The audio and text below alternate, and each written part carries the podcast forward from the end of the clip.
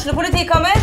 Ine Jansen er purk. Er du purk? The motherfucking bitch. Alt jeg vil, er å finne ut hva som skjedde med mannen min. Jon Carew. Er jeg sikta for noe? Iben Akeli. Det er du.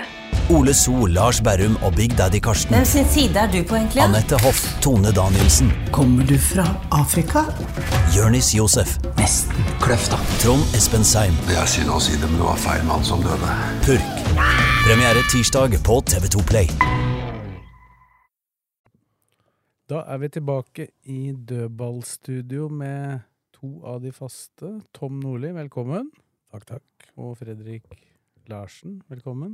Også kjent som Blakeren. Ja. Og så sitter jeg her da som Morten Svesengen. Så i dag har vi med oss en gjest, for Kristine Kristine er ikke her i dag. Da har vi fått med oss uh, en LSK-trener som heter Bakke. Eirik Bakke.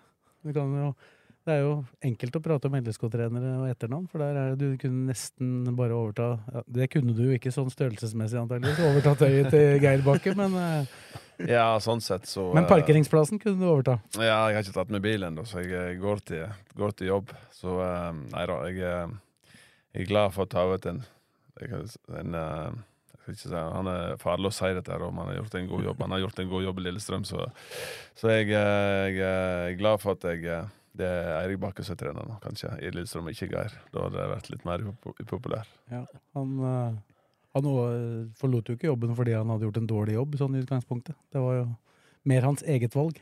Ja da, det er vel nokså sagt om det. Så eh, kommer det en kamp nå snart, så vi kan prate mer om den. Det er for lenge siden det har vært kamp.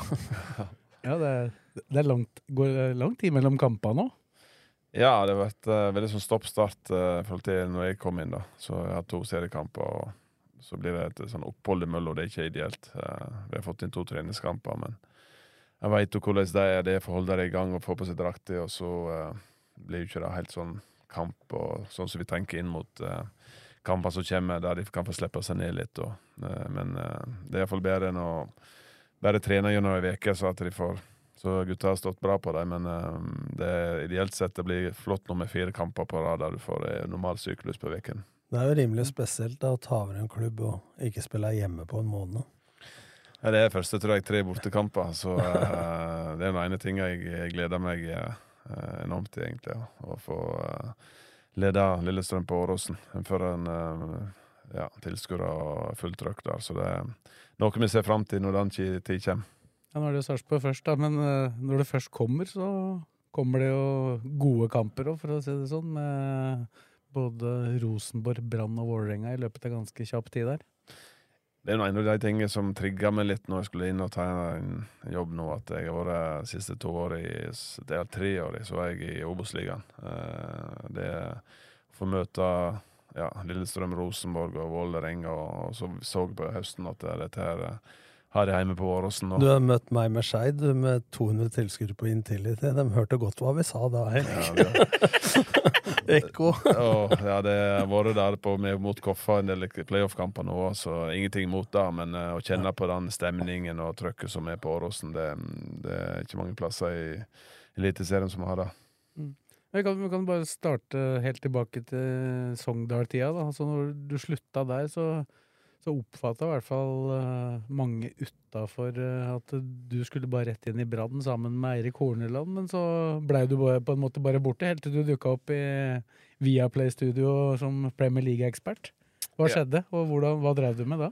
Nei, jeg, jeg hadde ikke noen planer, egentlig. Jeg, jeg, jeg trente vel eh, Jeg tok et år til i Sogndal, så etter 2020, da vi tapte playoffen mot Mjøndalen Ja, så Sogndal kunne jeg bruke litt tid på å finne en trener som skulle ta over, egentlig. Og det ble sånn Jeg følte da var, da var det slutt. Så eh, jeg var ikke klar for å gå inn i noen ny jobb. Jeg prata med Brann eh, når Kåre Ingebrigtsen var skulle ta over. Eh, så det eneste dialogen jeg har hatt med Brann, egentlig, eh, på den tiden, eller så har jeg vært veldig stille og rolig. Jeg prata med noen klubber, men jeg, jeg er veldig sånn var på klubber jeg skal gå inn i nå. Jeg, heldigvis har ikke jeg hoppa på noe. Jeg har fått litt sånn pusta litt, og fått, nå fikk jeg, fått ett og et halvt år der jeg har gjort noe annet enn fotball, være fotballtrener og vært hjemme mye med familien. og Reist til England igjen og hilst på mange kjente og fått vært på klubbbesøk. Så det gjør at jeg For du, du vet jo da, Tom, at når du er i den bobla, så er det den bobla. Og da, da eh, kommer ikke du utafor. Da er det kamp hver helg. Det jobber gjennom hele veka med spillere, med alt. Og Men har du savna det? Det er interessant det du sier, for sånn jeg har følt at eh, vi trener folk, og vi er ledere for støtteapparatet vårt. Men jeg har alltid spurt hvem trener treneren? Hvem leder lederen? Så du ser jo deg sjøl hele tida med subjektive øyne, da. Og spillergruppa er jo sånn enten har du trent for hardt eller for løst, eller for mye taktikk og for lite taktikk, så det blir jo i forhold til tabellen ofte. Men de der å lære å se seg sjøl utenfra litt, og se det litt fra avstand og være ute av det, og kanskje ha noen å snakke med som ikke er i klubben, som kan observere litt på trening, på kamp, sånne ting. Jeg har alltid savna det, så det er ikke sikkert det er så dumt. Og så Jeg har også vært altfor mange år i ett uten å så Det er lett å legge blåpapir at det som funka der, det funker der. Ja, og jeg klarte sju, jeg trente Sogndal i 20 år. og Jeg hadde i ikke tenkt å trene Sogndal, men så kom jeg inn i 2015, og så ble jeg værende. Så det er jo sånn, eh, sånn det ble. Og eh, jeg tok trenerkursene mine. jeg hadde jo ikke A-lisens engang når jeg tok over, så jeg, jeg måtte ta det eh, med Å pro i alt på fire år. Og det var egentlig bra for meg å være inni, for da møtte jeg folk som var på utsida litt, og fikk inn, input. og I stedet for at du går i den samme gryta hele tiden. og så prata litt med tidligere trenere så har lovbrekk litt sånn trent Sogndal, så, ja, spesielt i de tider du sliter, da, for det, da blir du voldsomt inne i ditt eget istedenfor å se det store bildet, som du må gjøre eh, i forhold til ja, alle rundt deg, om det er spillere og støtteapparat, så, så blir det bare to-tre dager hjemme nå for første gang på fire uker har vært bra, sånn at jeg har fått lada litt og sett litt ting utenfor hvordan ting har vært, sånn som vi kommer inn igjen på sporet. Hvordan vi vil eh, Men, men det er jo bli. sånn også at hvis du trener Sogndal, da, eh, hvis jeg skal gjette, så, så blir det jo på en måte de folka du alltid har vært rundt, da. Så det er lettere på en måte på Østlandet, da, hvor det er større. Ikke sant? Du kan søke andre miljøer, altså, for det er jo ikke så mange toppklubber rett i nærheten. Men du kan jo bruke tidligere trenere, som du sier. da. Men det å ha noen å spare med eh, Jeg har gjort det masse med klubber. Snakka ofte med Geir Bakke, jeg, for eksempel, altså om fotball. Og andre trenere når du var i gamet. Så jeg tror det er litt viktig. Du kom vel på en måte rett fra aktive karriere. Det var ikke lang, veldig lang pause du hadde, eller? Nei, jeg ga meg i 2012. Um, uh, Jonas Olsson tok over. Jeg kom tilbake i sommer 2011, så avslutta jeg uh, 2012. Uh, og så hadde jeg egentlig igjen et år, men jeg, jeg fant ut at uh, nok var nok. Jeg var 35 år, og uh, kroppen begynner å si ifra. Så uh, jobba jeg i klubben som litt med utvikling, og så, ja så uh, lokka Reidar Vågenes meg på et trenerkurs oppe i Ålesund, B-lisens, at jeg skulle ta det. Så gjorde jeg det. Så jeg ut, tok de trenerkursene med en gang jeg ga meg. Det er jeg glad for jeg gjorde, for du må ha noe fundament. og Det er annerledes å være spiller enn å være trener.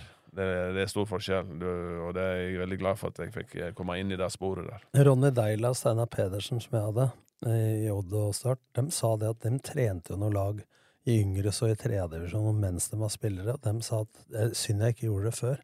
Jeg begynte å tenke helt annerledes når jeg var trener enn når jeg var spiller. Da tror jeg jeg hadde vært en bedre spiller, sa begge to. Ja, da skjønner jeg folk er treneren mener oftere òg, da. Mm. Det er også eh, alltid utfordringen hvordan folk skal få en spillergruppe til å tro på dine ideer og tanker. Eh, For inni en spillergruppe så har du mange forskjellige eh, spillere som har lyst til å gjøre det og lyst til å gjøre det. Så, så det eh, Men eh, for, for min del så, så var det en veldig god læringsprosess å være både opptur og nedtur i Sogndal og oppleve begge deler. For det er jo der fotballen er. Det er vinn og tap. og så det å få oppleve det i egen bygd da, på, på sitt sett, noe far min har gjort i alle år, så jeg skjønte meg hva han hva jeg mente etter hvert når du har stått i stormen litt, og, Men var siste året ditt med Jonas Olsson? Som trener, ja. Det var han som var i Ullkisa, ikke sant? Ja. Men da var du sentral midtbane, og så 35. Og selv om du er for gjennombruddsis i fotball, så lar du For du, ballen gikk ikke gjennom midten når du hadde. Jonas Olsen. Jeg var direkte, men eh, det var faktisk da lagra det er ganske bra. Jeg spilte ja. ikke så mye. Jeg og Tor André var på, eh, liksom, jeg og Tor André enda på benken. Og, og, og, og, så, sa, så sa Tor André Han hadde jo fem unger, jeg hadde nettopp begynt å få. Så sa han at eh, Og så sier han Begge var på benken borte bort, bort mot Tromsø, og så kom vi inn siste ti minutter. Sånn, begge to, og så fikk vi skåring, og så skulle gamble. da Og så sier han til André ja, men det er ikke så flott. Så lenge jeg får reise på bortetur og få sove litt, sånn, da er vi verdt det.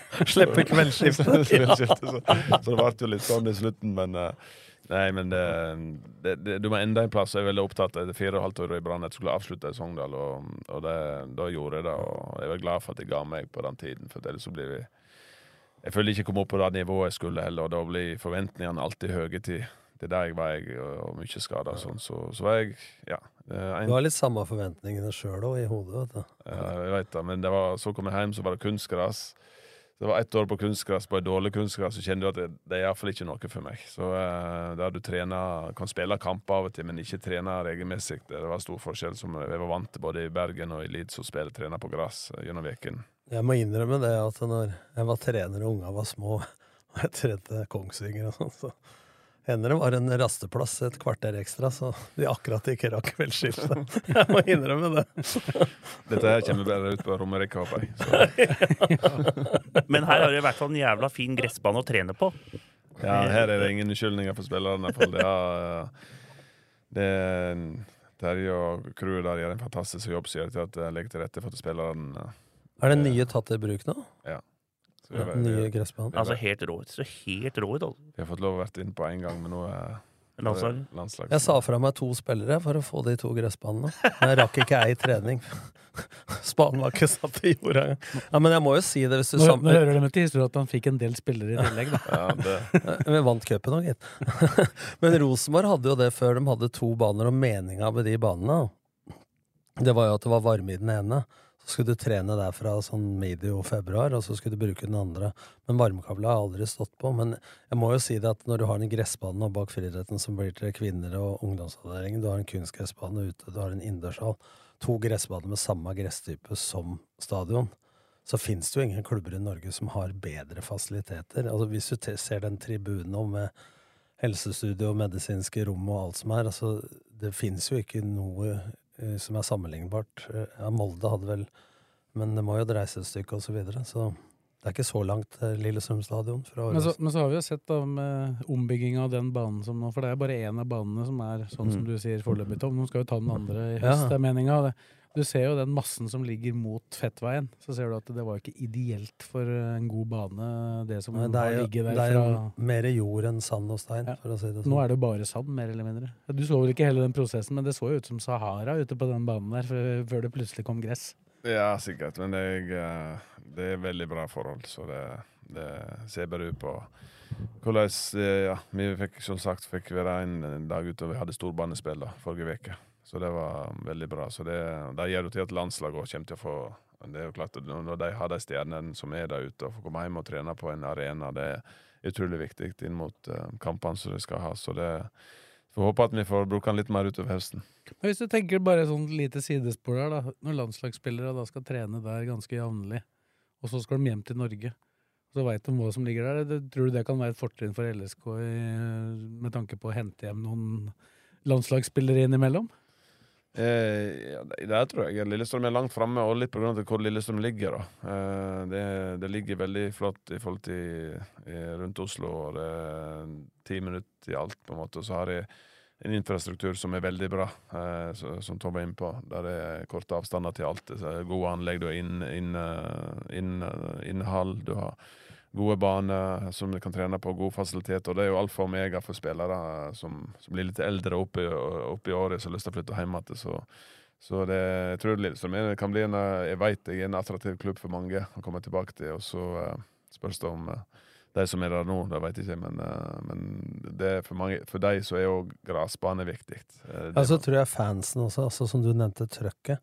Men Geir Bakke sa jo det en gang, at han syntes det var tøffere å trene Lillestrøm i Obos-ligaen under pandemien enn i Sarpsborg, men det sier jo litt om interessen fra fans, men krava også, da, trøkket rundt byen. Er Obos-ligaen uten tilskuere, eller med 200? Ja, ja med 200. Vi så jo det når eh, dommedag, når vi rykka ned når jeg var der i åtte dager, altså hvordan det mobiliserte. Og så var du geni, og så plutselig skulle måtte vi ha politieskorte.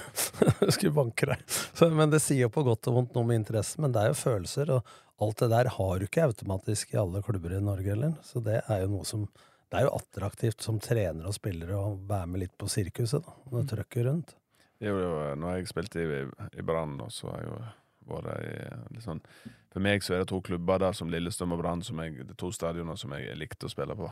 Uh, det er fordi det er de to mest ekstreme, intensive banene i Norge. Uh, med med gressbane med trøkt publikum nært. Og, så, så det, det tror jeg ingen andre i Norge kan være i nærheten av, egentlig. I forhold til- spillere som, som verdsetter der og har like harde trøkket. Jeg husker vi var her, og da du var du trener, tror jeg, i 2007. Ikke minn meg på det, for at, eh, da hadde vi fire karantener og tapte 5-1. Men du har jo opplevd noe jævlig. Du har jo vært eh, Ellen Roll Champions League semifinale. Det må ha vært et helt sjukt trøkk.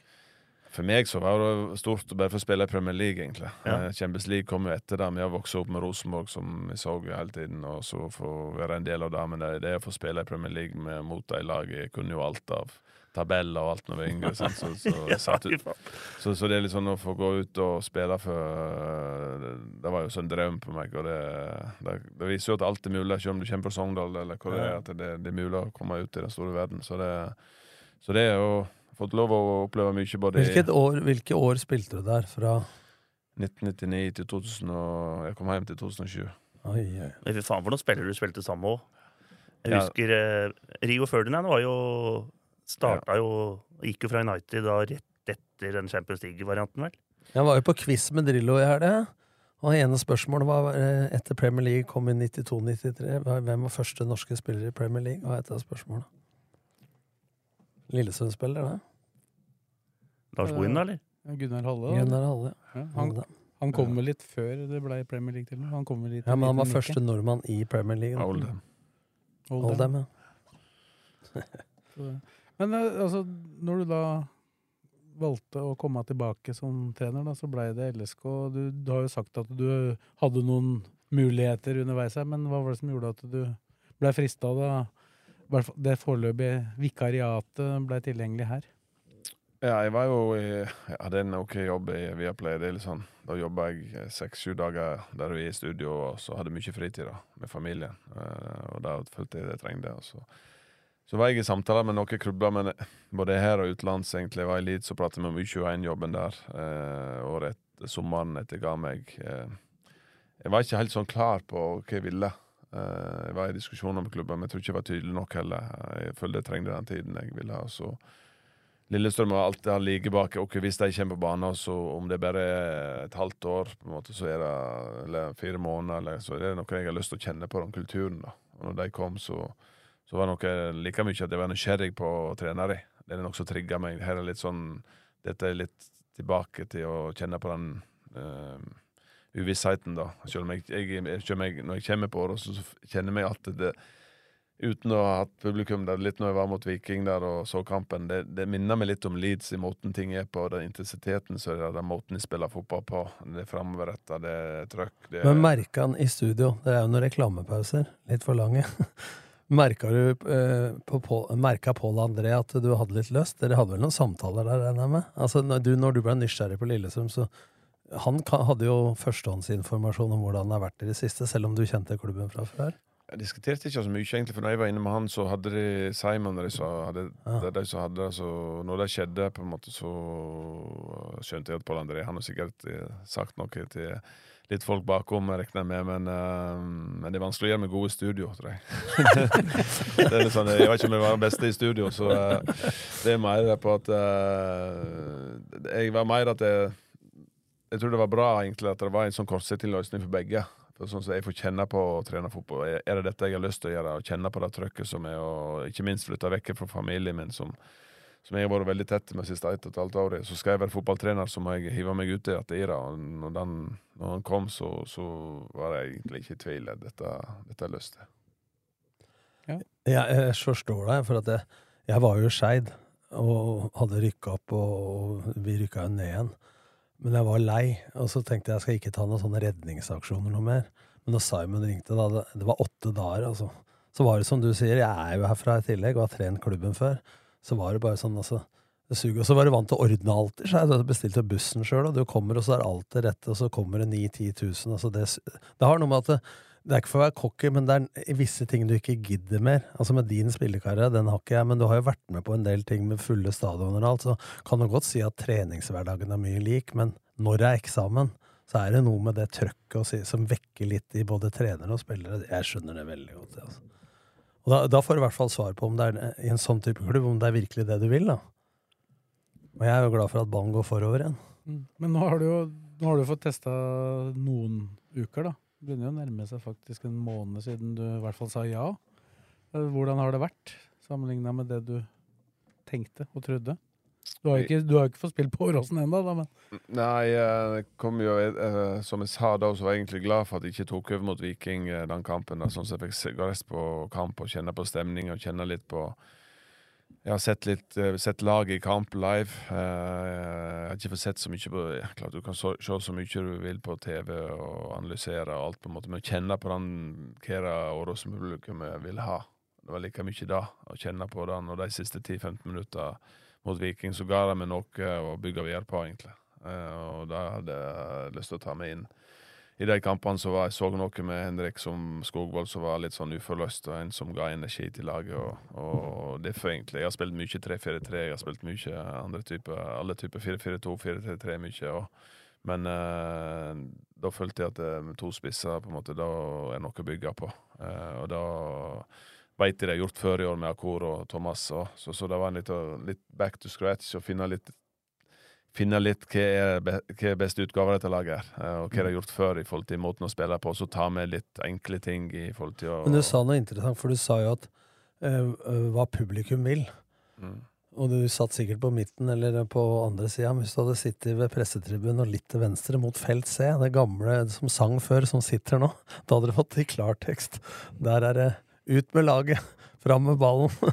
Eh, ja, men det er litt sånn En Lillestrøm-stopper skal kunne på Bård Bjerkland hvis takle en i reklameskiltet. Du skal være god på dødball, du skal være gjennombruddssissig. Det, det er noe med det der DNA-et som Du kan godt utvikle masse ting, men er, eh, du må ta litt hensyn til historia og til sjela da, så, som du sier. Hva er det de vil ha? Ja, det, det er litt sånn uh, Det er lett for meg å komme ut, for jeg kan se det utenfra. Eh, det er jo derfor jeg er trener her. også. Jeg må komme inn med min kompetanse inn i det som er der. Eh, og så, så er det å ikke bli altfor primitiv, men å finne en måte som gjør at spillerne syns det er moro å spille på den måten. Eh, og, og, og det hjelper å ha resultat, men det har vært litt sånn stopp-start hele tiden, så gjør at du du er ikke i kampmodusen, da.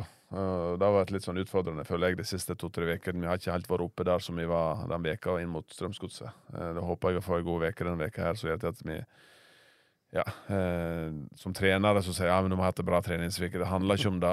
eh, det, eller det, handler om at du, du føler at de har fått jobba godt med det vi skal som møter oss på søndag. Eh, og Hvis det blir mye folk ute, mye skifte, mye endringer, og, så, så, så blir jeg som trener litt usikker da på hvor vi er. Og der føler jeg mot Ålesund-kampen Det var ikke jeg noe Der adresserte jeg godt til spillerne at jeg, jeg føler ikke det har vært så bra. Eh, det henger sammen med at det var mye endringer i spillertroppen. Vetle Dragsnes gikk ut, så spilte jeg i tre og et halvt år. Og veldig eh, fast måtte gjøre litt endringer på laget. Men Det er ikke noen unnskyldning, men, vi var ikke på der vi skulle være.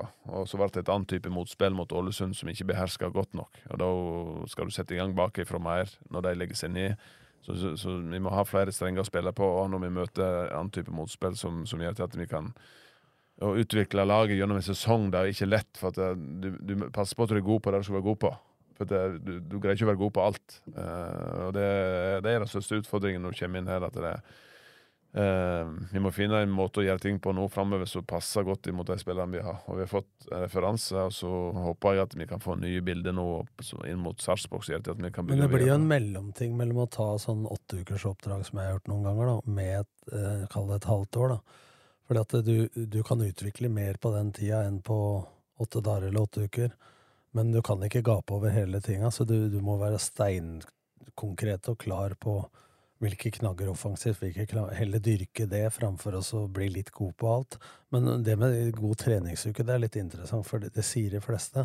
Men jeg tror ikke folk helt veit hva du legger i det, som du var inne på. For at det, er det at spillere har vært i 100, liksom? Er det at en skårte mye mål? Det er jo mer når man får svar på at de tinga du ønsker å se igjen på søndag klokka fem, at du ser igjen det prinsippene i spillestilen offensivt og defensivt, så at det lagkollektivet det, Jeg regner med det er det du kaller det en god treningsuke, ikke at én en eller to spillere har vært i fantastisk form eller skåret i fire mot fire. Nei, eller at du får bygge et lag gjennom hele veka da. Ja, Ja, Uten å gi laget, men, men eh, jeg tror du får jobbe med relasjoner gjennom hele veka i forhold til alle spillfasene. Mm. Eh, Der du ikke må gjøre endringer gjennom veka, der du, folk er litt ute og inne skada.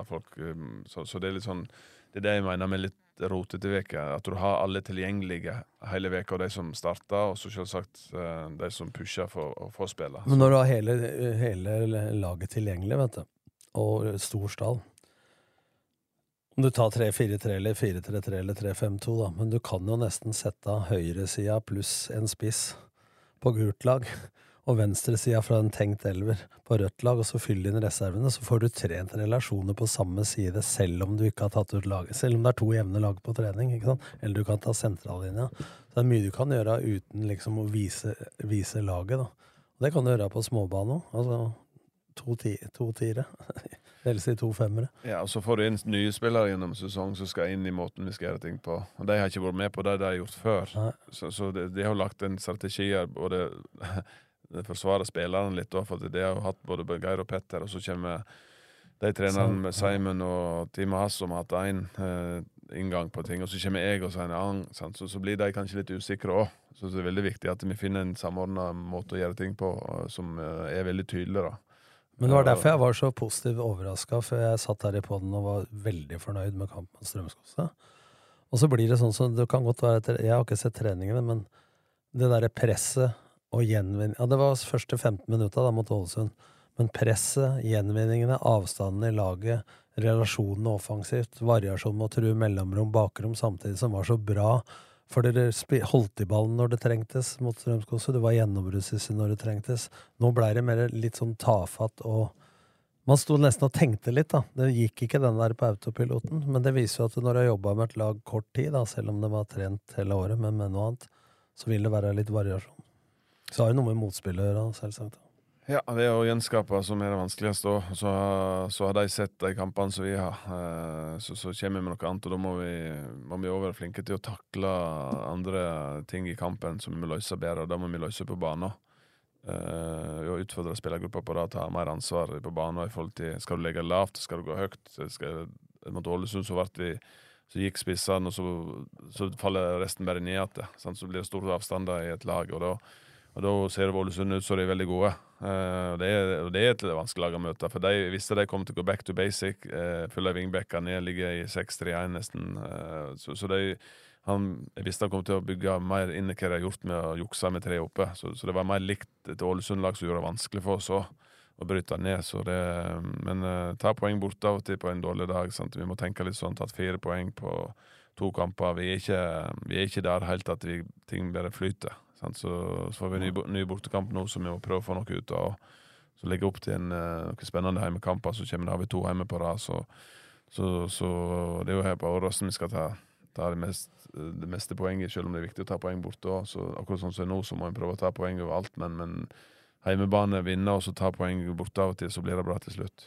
Men det ansvaret der, vet du, du snakker om spillere må ta, fordi det er ofte vanskelig, for hvis spissa presser, da, og så tolker backrekka at presset er for dårlig, og så står midtbanen oppe i forhold til spissa, men så faller backrekka. Det er som du sier, da, da blir laget veldig langt. Og det så jo ut som noen ganger at Ålesund bare vandra gjennom midtbanen til Lillesund noen ganger, nettopp på grunn av de avstandene. Så det, men hva er signalet, ikke sant? Altså, Jeg tror det er at vi må være tøffere og være mer offensive i forhold til å ta et steg fram hele tiden. Og ikke, uh, uansett, enten så går vi Hvis de går, må vi alle gå. Ja. Og, og det er jo da, da bidrar til at jeg ikke er redd for å gå. Men det, men det er òg krevende. Det er enormt krevende spillestil. Så det, det føler kanskje av og til at det ikke, det verste er for en spiller hvis du føler at du ikke er der eller der. Du henger midt imellom. Og der tror jeg den Ålesund-kampen var litt sånn Er vi høyt i press? Er vi lavt i press? Men hvis du skal presse høyt, Erik, så er det nesten bedre å si 'press der ballen er'. Ja. For hvis du tenker at du binder et tau imellom spillerne, da. Når førstemann går, så rykker de nestemann. altså både i leddet og mellomledda. Så det verste er jo når eh, Det verste er vel å havne i sånn mellomhøyt. Altså sånn Ja, for Det som var så rart med den Ålesund-kampen, var at dere var jo egentlig fullstendig overlegne første 15 minutta. Jeg tenkte dette her kommer jo til å bli en enkel seier eh, for Ålesund. eh, Men det skjer jo et eller annet med Ålesund når de kommer under. da, Enda mindre å tape, antageligvis. da. Ja, vi var ikke gode nok, egentlig, etter de 20 minuttene. Vi Fra 20 til 65, 70 til vi la om til 3-4-3. Fikk mer. Jeg skulle egentlig ha gjort det Eh, Når vi gjorde skiftet med Henrik med en gang, egentlig fikk vi mer med eh, Ibrahim May og Gjermund Aasen i mellomrom, og Thomas som trekte opp. Da kan vi gjøre for Cozy Thomsen er bedre som toer enn en ja, Det er litt min, mitt ansvar, for han hadde ikke trent så mye indreløper. Så, man kan- så da fikk vi mer kontroll med to sentrale, og det er framfor. For dette sa jeg på den, for jeg, jeg sa at det var, eh, jeg var enig i byttene. Men jeg, jeg syns når Ibrahim Mai ble spiss, så blei han nesten sånn tier mellomromsspiller. Mens eh, Vebjørn Hoff han var spilt som en sekser, selv om han var mye indreløper i Odd og Rosenborg. Så blei han litt sånn usikker i rollen, ikke sant. Og så var Gjermund sånn litt eh, smal kant. Eh, Så sånn som du sier, da, rein 3-4-3 da, med Ibrahim Mai og Aasen på hver sin kant. Når fikk, nå fikk vi litt kombinasjon på slutten, nå kunne vi fort ha vunnet kampen òg. Skaper, jo- skaper jo tre, Ja, ja. tre ganske store sjanser. Og så snitt for klar straffe. Ja, men det er sånn det, er- det, det Kamper har sin egen liv. hele tiden. Av og til så må du ha litt flaks, av og til er du dyktig etterpå. Da Så må du henge deg i kampen, og så har vi spillere som kan avgjøre kampen og vinne 2-1. Mm. Det er sånne type kamper jeg følte det var i Ålesund. Og, da, og vi fikk de sjansene vi skulle ha på slutten. Thomas sin er jo enorm. Ja.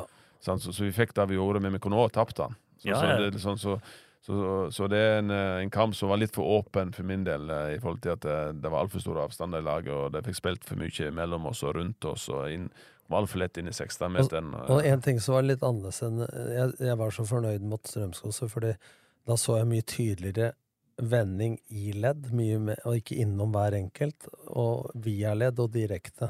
At det var mye mer distinkt på og, og For tendensen til Lillestrøm før i år har jo vært, og spesielt i fjor høst, er jo veldig mye spill på ei side, og tilbake i midten, og så til samme side igjen.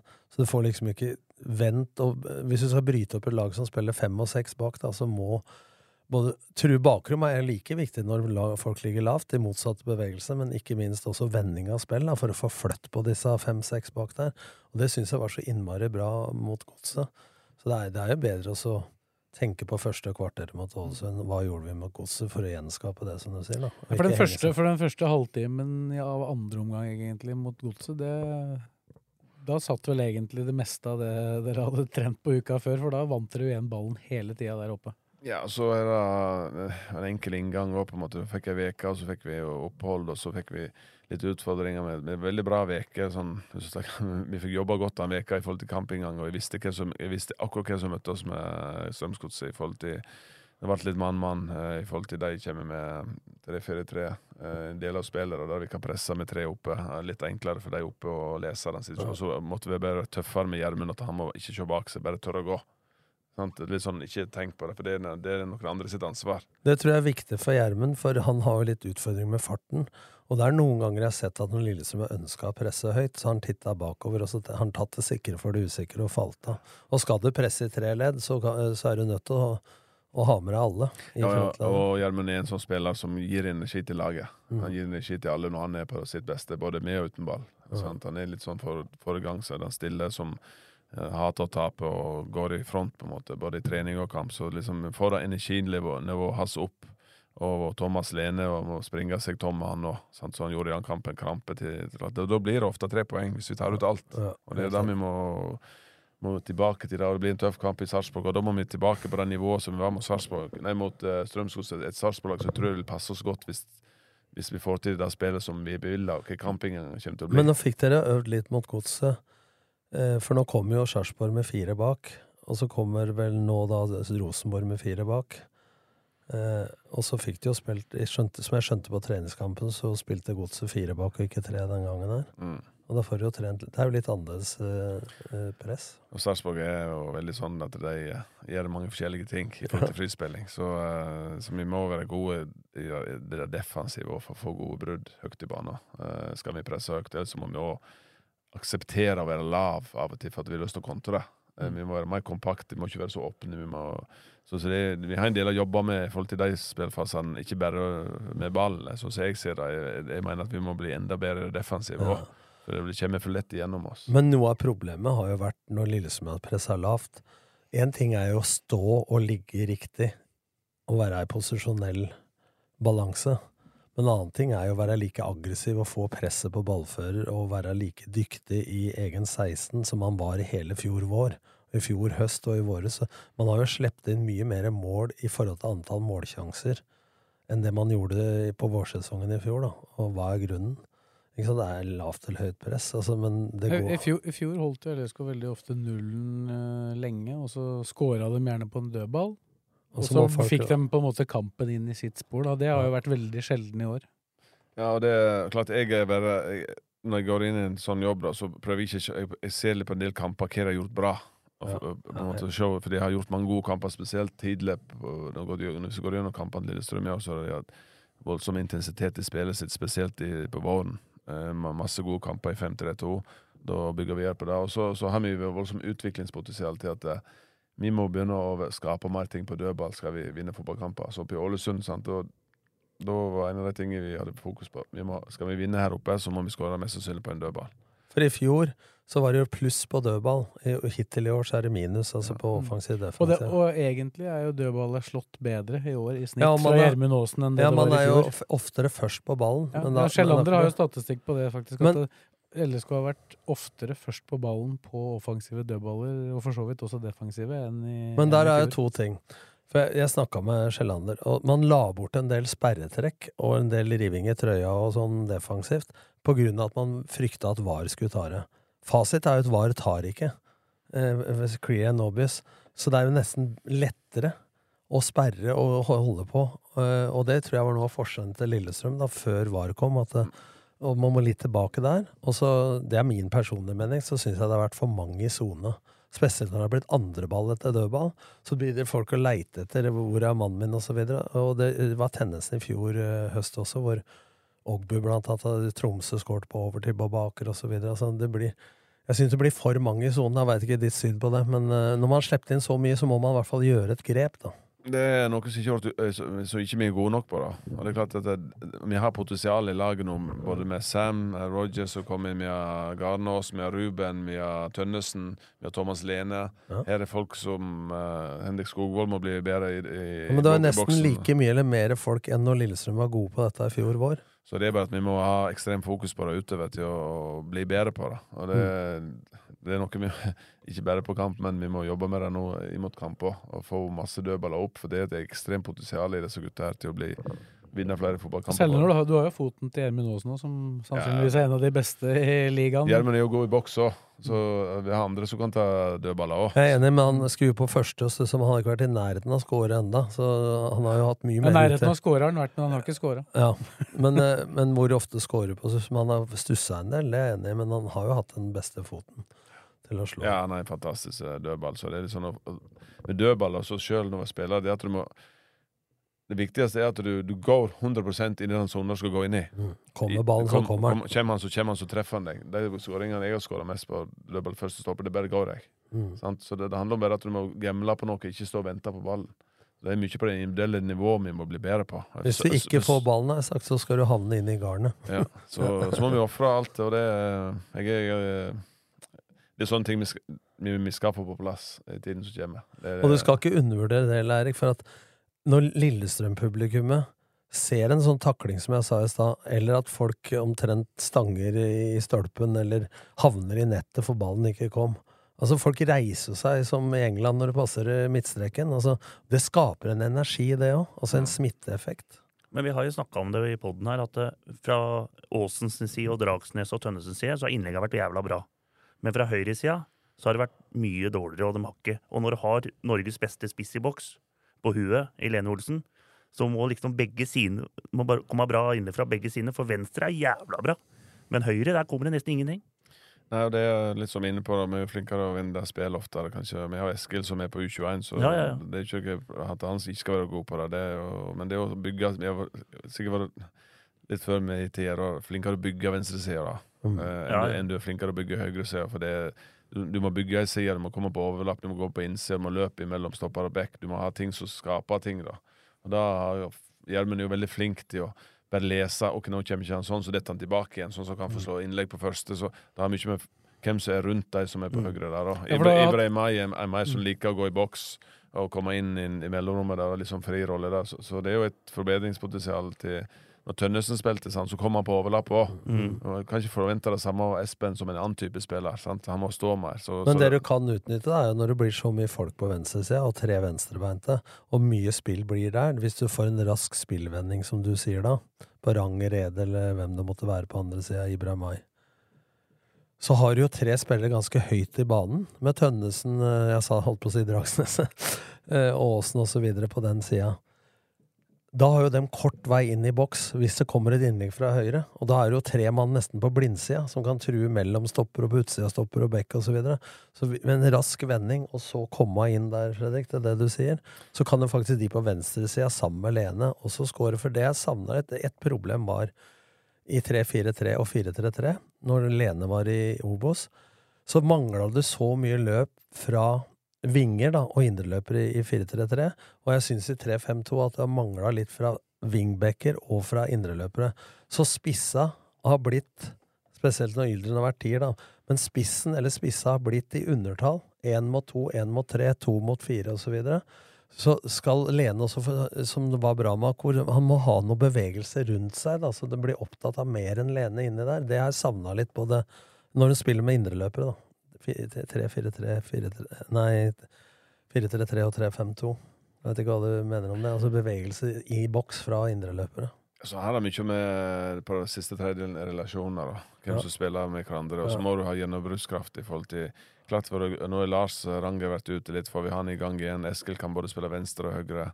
Du kan ha større Og ja, Tønnesen er alternativ som stopper i i noen kamper du må jage. Sånn, så, så, så det får litt flere folk tilbake Og så sier til at eh, vi alle vet styrkene til Lars. Eh, hvordan han kan gi inn til laget òg.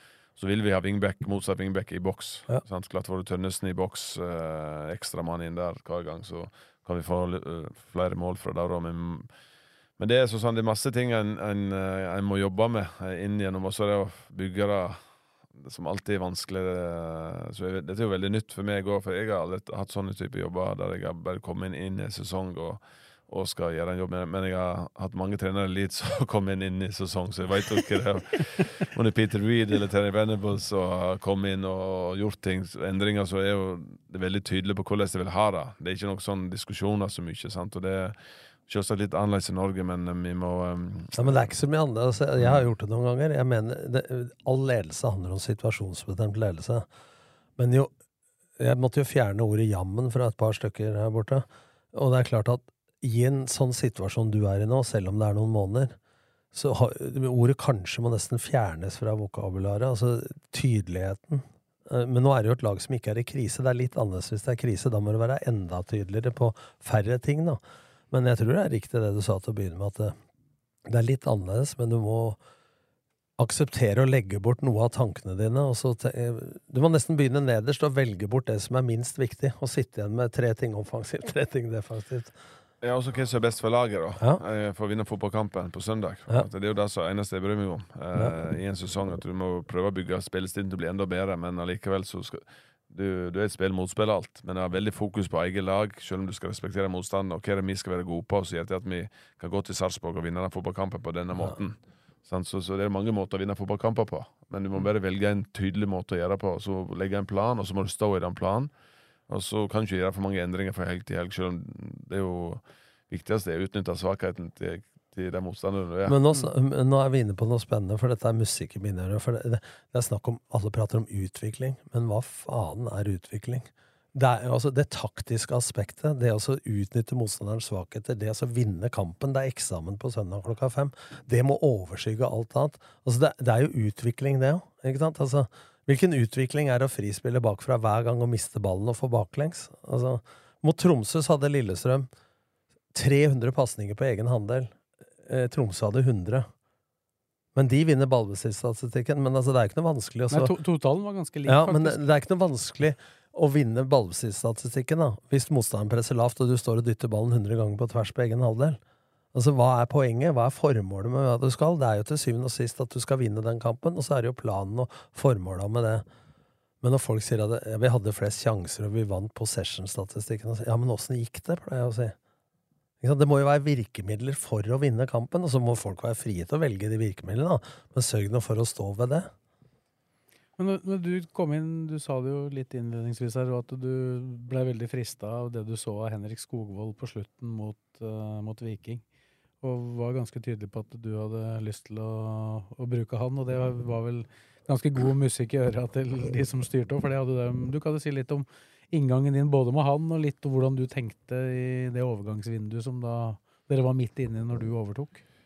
Ja, jeg, visste, jeg vet jo litt om Henrik, for han er jo samme alder som Johan. Gutten min har spilt på landslag med han, så jeg visste om han litt, uh, hvordan han var. Men uh, det var greit å få sett han da i 15, eller en halvtime han spilte, tror jeg. I den kampen der. I forhold til at han hadde en energi som, som alle lag trenger. Uh, jeg, jeg spilte med en som Ellen Smith i Leeds, Ja. som, som var fra Leeds, på en måte, så, så folk kan as assosiere seg med når du går på kamp på en måte, det er en lokal gutt som kommer opp gjennom systemet.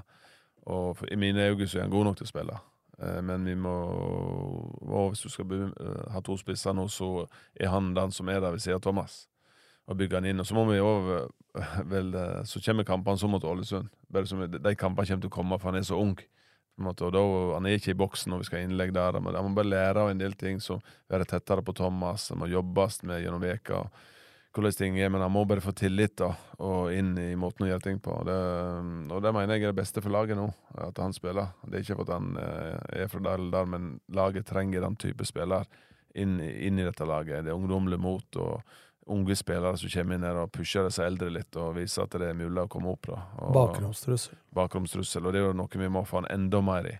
Enda mer i situasjoner der han får trua bakrom, for det er det store styrkene hans. Får han i én mot én-situasjoner der han kan utfordre med farten sin og alt sånt. Så, så må han jobbe med andre aspekt forhold til mann i rygg og alt. Men det de ting kommer, han må bare passe på at han er best på det han skal være god på. Og så må vi være klar i boksen når den sjansen kommer, eller to sjanser kommer. Så, så, må vi være tålmodige med han. Det er det som øh, Og så er det veldig greit for han å komme inn nå. nå du, det er ikke noe sånn du har jo selvsagt lyst til å se oppover tabellen, det er der du vil jobbe mot, men han kommer inn i perioder der Lillestrøm ligger OK, så han ikke har Alt handler om Du skal vinne alle kamper som du er, men han har ikke den alle, alle da. Så gjør det at han får den tilliten. Det tror jeg er viktig for Henrik. Men hva tenker du når Det har sikkert litt med motspill å gjøre, men jeg tenker sånn Hvis Henrik starter, da, du spiller 3-5-2, og han tas ut, så kommer selvsagt han på kampbildet, men sånn generelt Tenker du da Åsen Ibrahim Mai som spiss nummer to, eller er du mer da på også når han ikke er på banen, og Lene er på banen, at du spiller da 3-4-3? Altså, I og med at du var opptatt av hvor bra laget er sjøl, og ikke så mye av motstanderen. Altså, det å kunne beherske begge de delene, men avhengig av om de to er på banen eller ikke. Nei, det er litt uh, hvordan kampbildet er, om du må jage, eller om du, du ser at du sliter med strukturen. Da. Mot Ålesund så, vi så ikke ut med strukturen, mm. derfor gjorde vi det skiftet. Mm. Uh, nå tenkte jeg mer offensivt, da, ikke nødvendigvis defensivt. Ja, og da, derfor tok vi Ibrahim opp i begynnelsen. Uh, og så Jeg vil ikke si at det fungerte ikke, om de gjør en god jobb. Det, det, det er bedre å ha to spisser når du skal spille med to spisser, eller så kan du spille med to, to kanter eller indreløpere, som du sier, i kantrollen. Mm. Så svaret på det er nok at uh, med Mathias Bolli som kommer nå, så vil han gi oss en Ja, tenk, han tenkte jeg ikke på, faktisk. Men, men det gir oss en, at vi, han, det gir oss en dimensjon til at vi kan gjøre ta bare skifte spillere inn og ut i samme posisjon. Da beholder du i hvert fall farten, ut fra ja, det da, lille vi har sett på jo, trening. Han, uh, alle vet jo om han. Får vi han i gang, så blir han eh, et uromoment som gjør til at uh, om det er Henrik eller Thomas han spiller med, så sier det til at han, han er en trussel for motstanderen, uh, som er redde for farten mm. hans. Og det, det, er noe med at det, uh, det, er det vi trenger. alle veit Fart er viktig. For jeg tenkte ikke på ham, for jeg satt her og sa at det eneste jeg savna, det var en spiss. Ikke for at ikke Henrik skulle spille nok, men at ja, Han har jo kommet inn etter ja, at vi satt der sist. Ja, for hvis en blir skada eller blir karantene, da, og så må man nødt til å bytte formasjon til spørsmålet jeg stilte, men da var jo ikke Bolly klar når vi, vi, satt her. Og det er klart, nå har du jo en mulighet uten å måtte flytte på Gjermund og Yldren, med å feie han inn. Men jeg tror i kampbildet av og til så må vi gjøre endringer i forhold til hva som er best for laget. Om Vi tar med, vi har Lundemo på benken, så kan han bare komme inn i en toer når han er ja. fit. på en måte, så Vi må spille på styrkene og det som er laget. Om vi spiller med tre presser med tre oppe, det er fint å presse høyt med det. og mm. Det må gjøre litt på den måten. Kan ha samme, for meg så er ikke Spillestilen er annerledes informasjon, egentlig. Ja, ja. Det er litt sånn, Men uh, med to spisser så kan vi ha to spillere Å bruke mer i kontringsfasen i oppspilling, så kan, kan skape trøbbel for de to stopperne mer. Så, så det gir, gir dem mer utfordringer. da. Og så Hvis vi har to i kanter, så må vi òg passe på at vi ikke bare spiller mellom, vi må true inn bak. Sånn, sånn. Men jeg tenker Hvis Bolly, Skogvold, lener to av de på banen hvis de blir enda flinkere til å true bakrom, så, så vil jo enhvert forsvar i Norge måtte forholde seg til de løpa.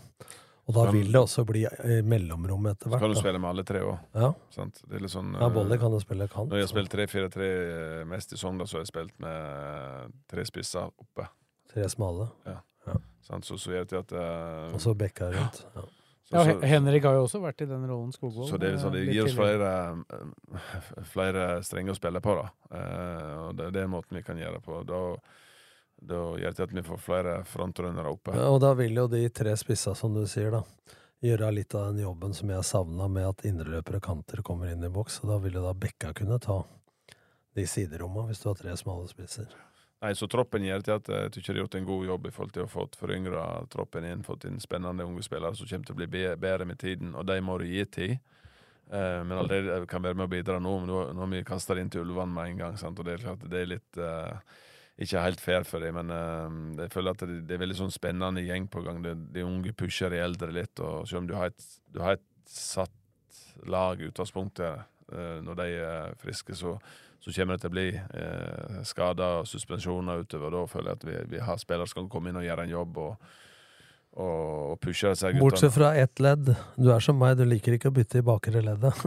Nei, Tønnesen, han var, eh, han var sliten på Ikke lyst. eh, Wingback er greit, men ikke forsvarstreen. Den er minst mulig. Ja.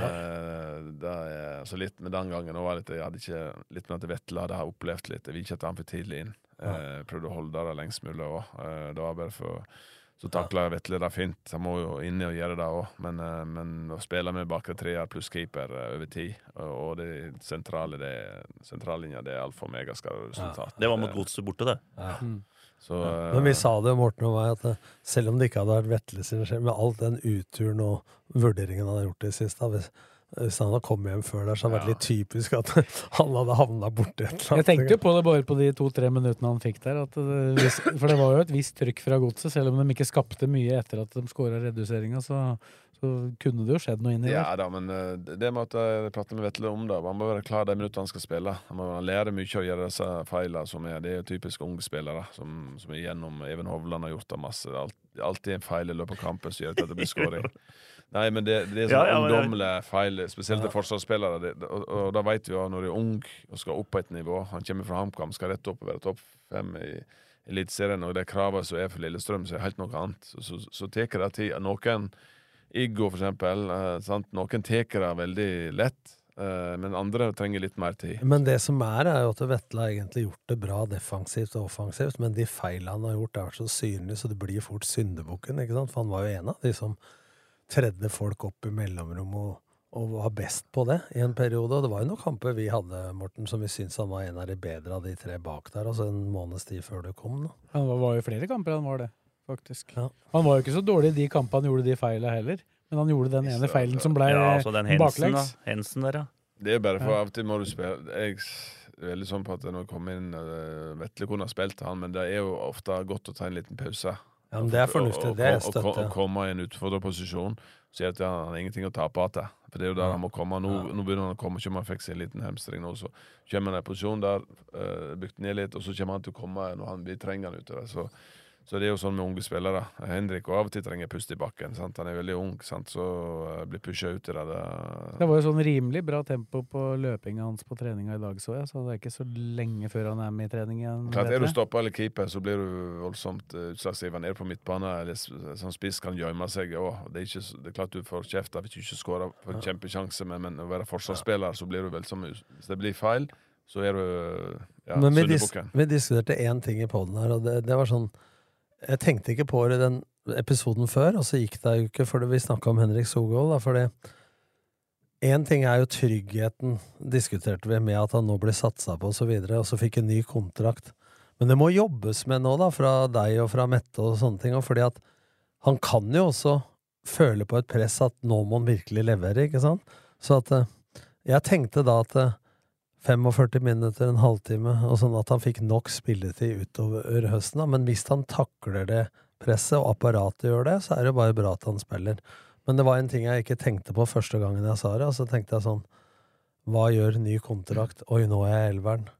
Nå er jo alt å vinne, som du sa med Vetle, da. Og så plutselig skal han føle kanskje at han skal levere, da. Og det vil jeg si, og, uh, ung spiller som Henrik, det må alle tenke rundt han. For han er fra Lillestrøm. Eh, ofte så sier jeg det, det er ikke spillerne som er problemet, men det er omgivelsene. Ja, ja. På en måte, forhold til det presset han det, hele tiden legger på seg når ikke han begynner å skåre, så, så kommer alle kommer jo og klager. Hvis ikke vi vinner, så klager de på meg òg. Ja, ja. Sånn, sånn er fotballen. Det er deres rett til å gjøre. Sant? Og det er for en ung spiller så er det enda tøffere når en er herifra. Når det går bra, så er det ikke et problem. Så det er viktig at en tenker hvor Henrik har vært, og hvor han skal komme Når han er langt ifra der han skal komme ennå, men han er på en god vei.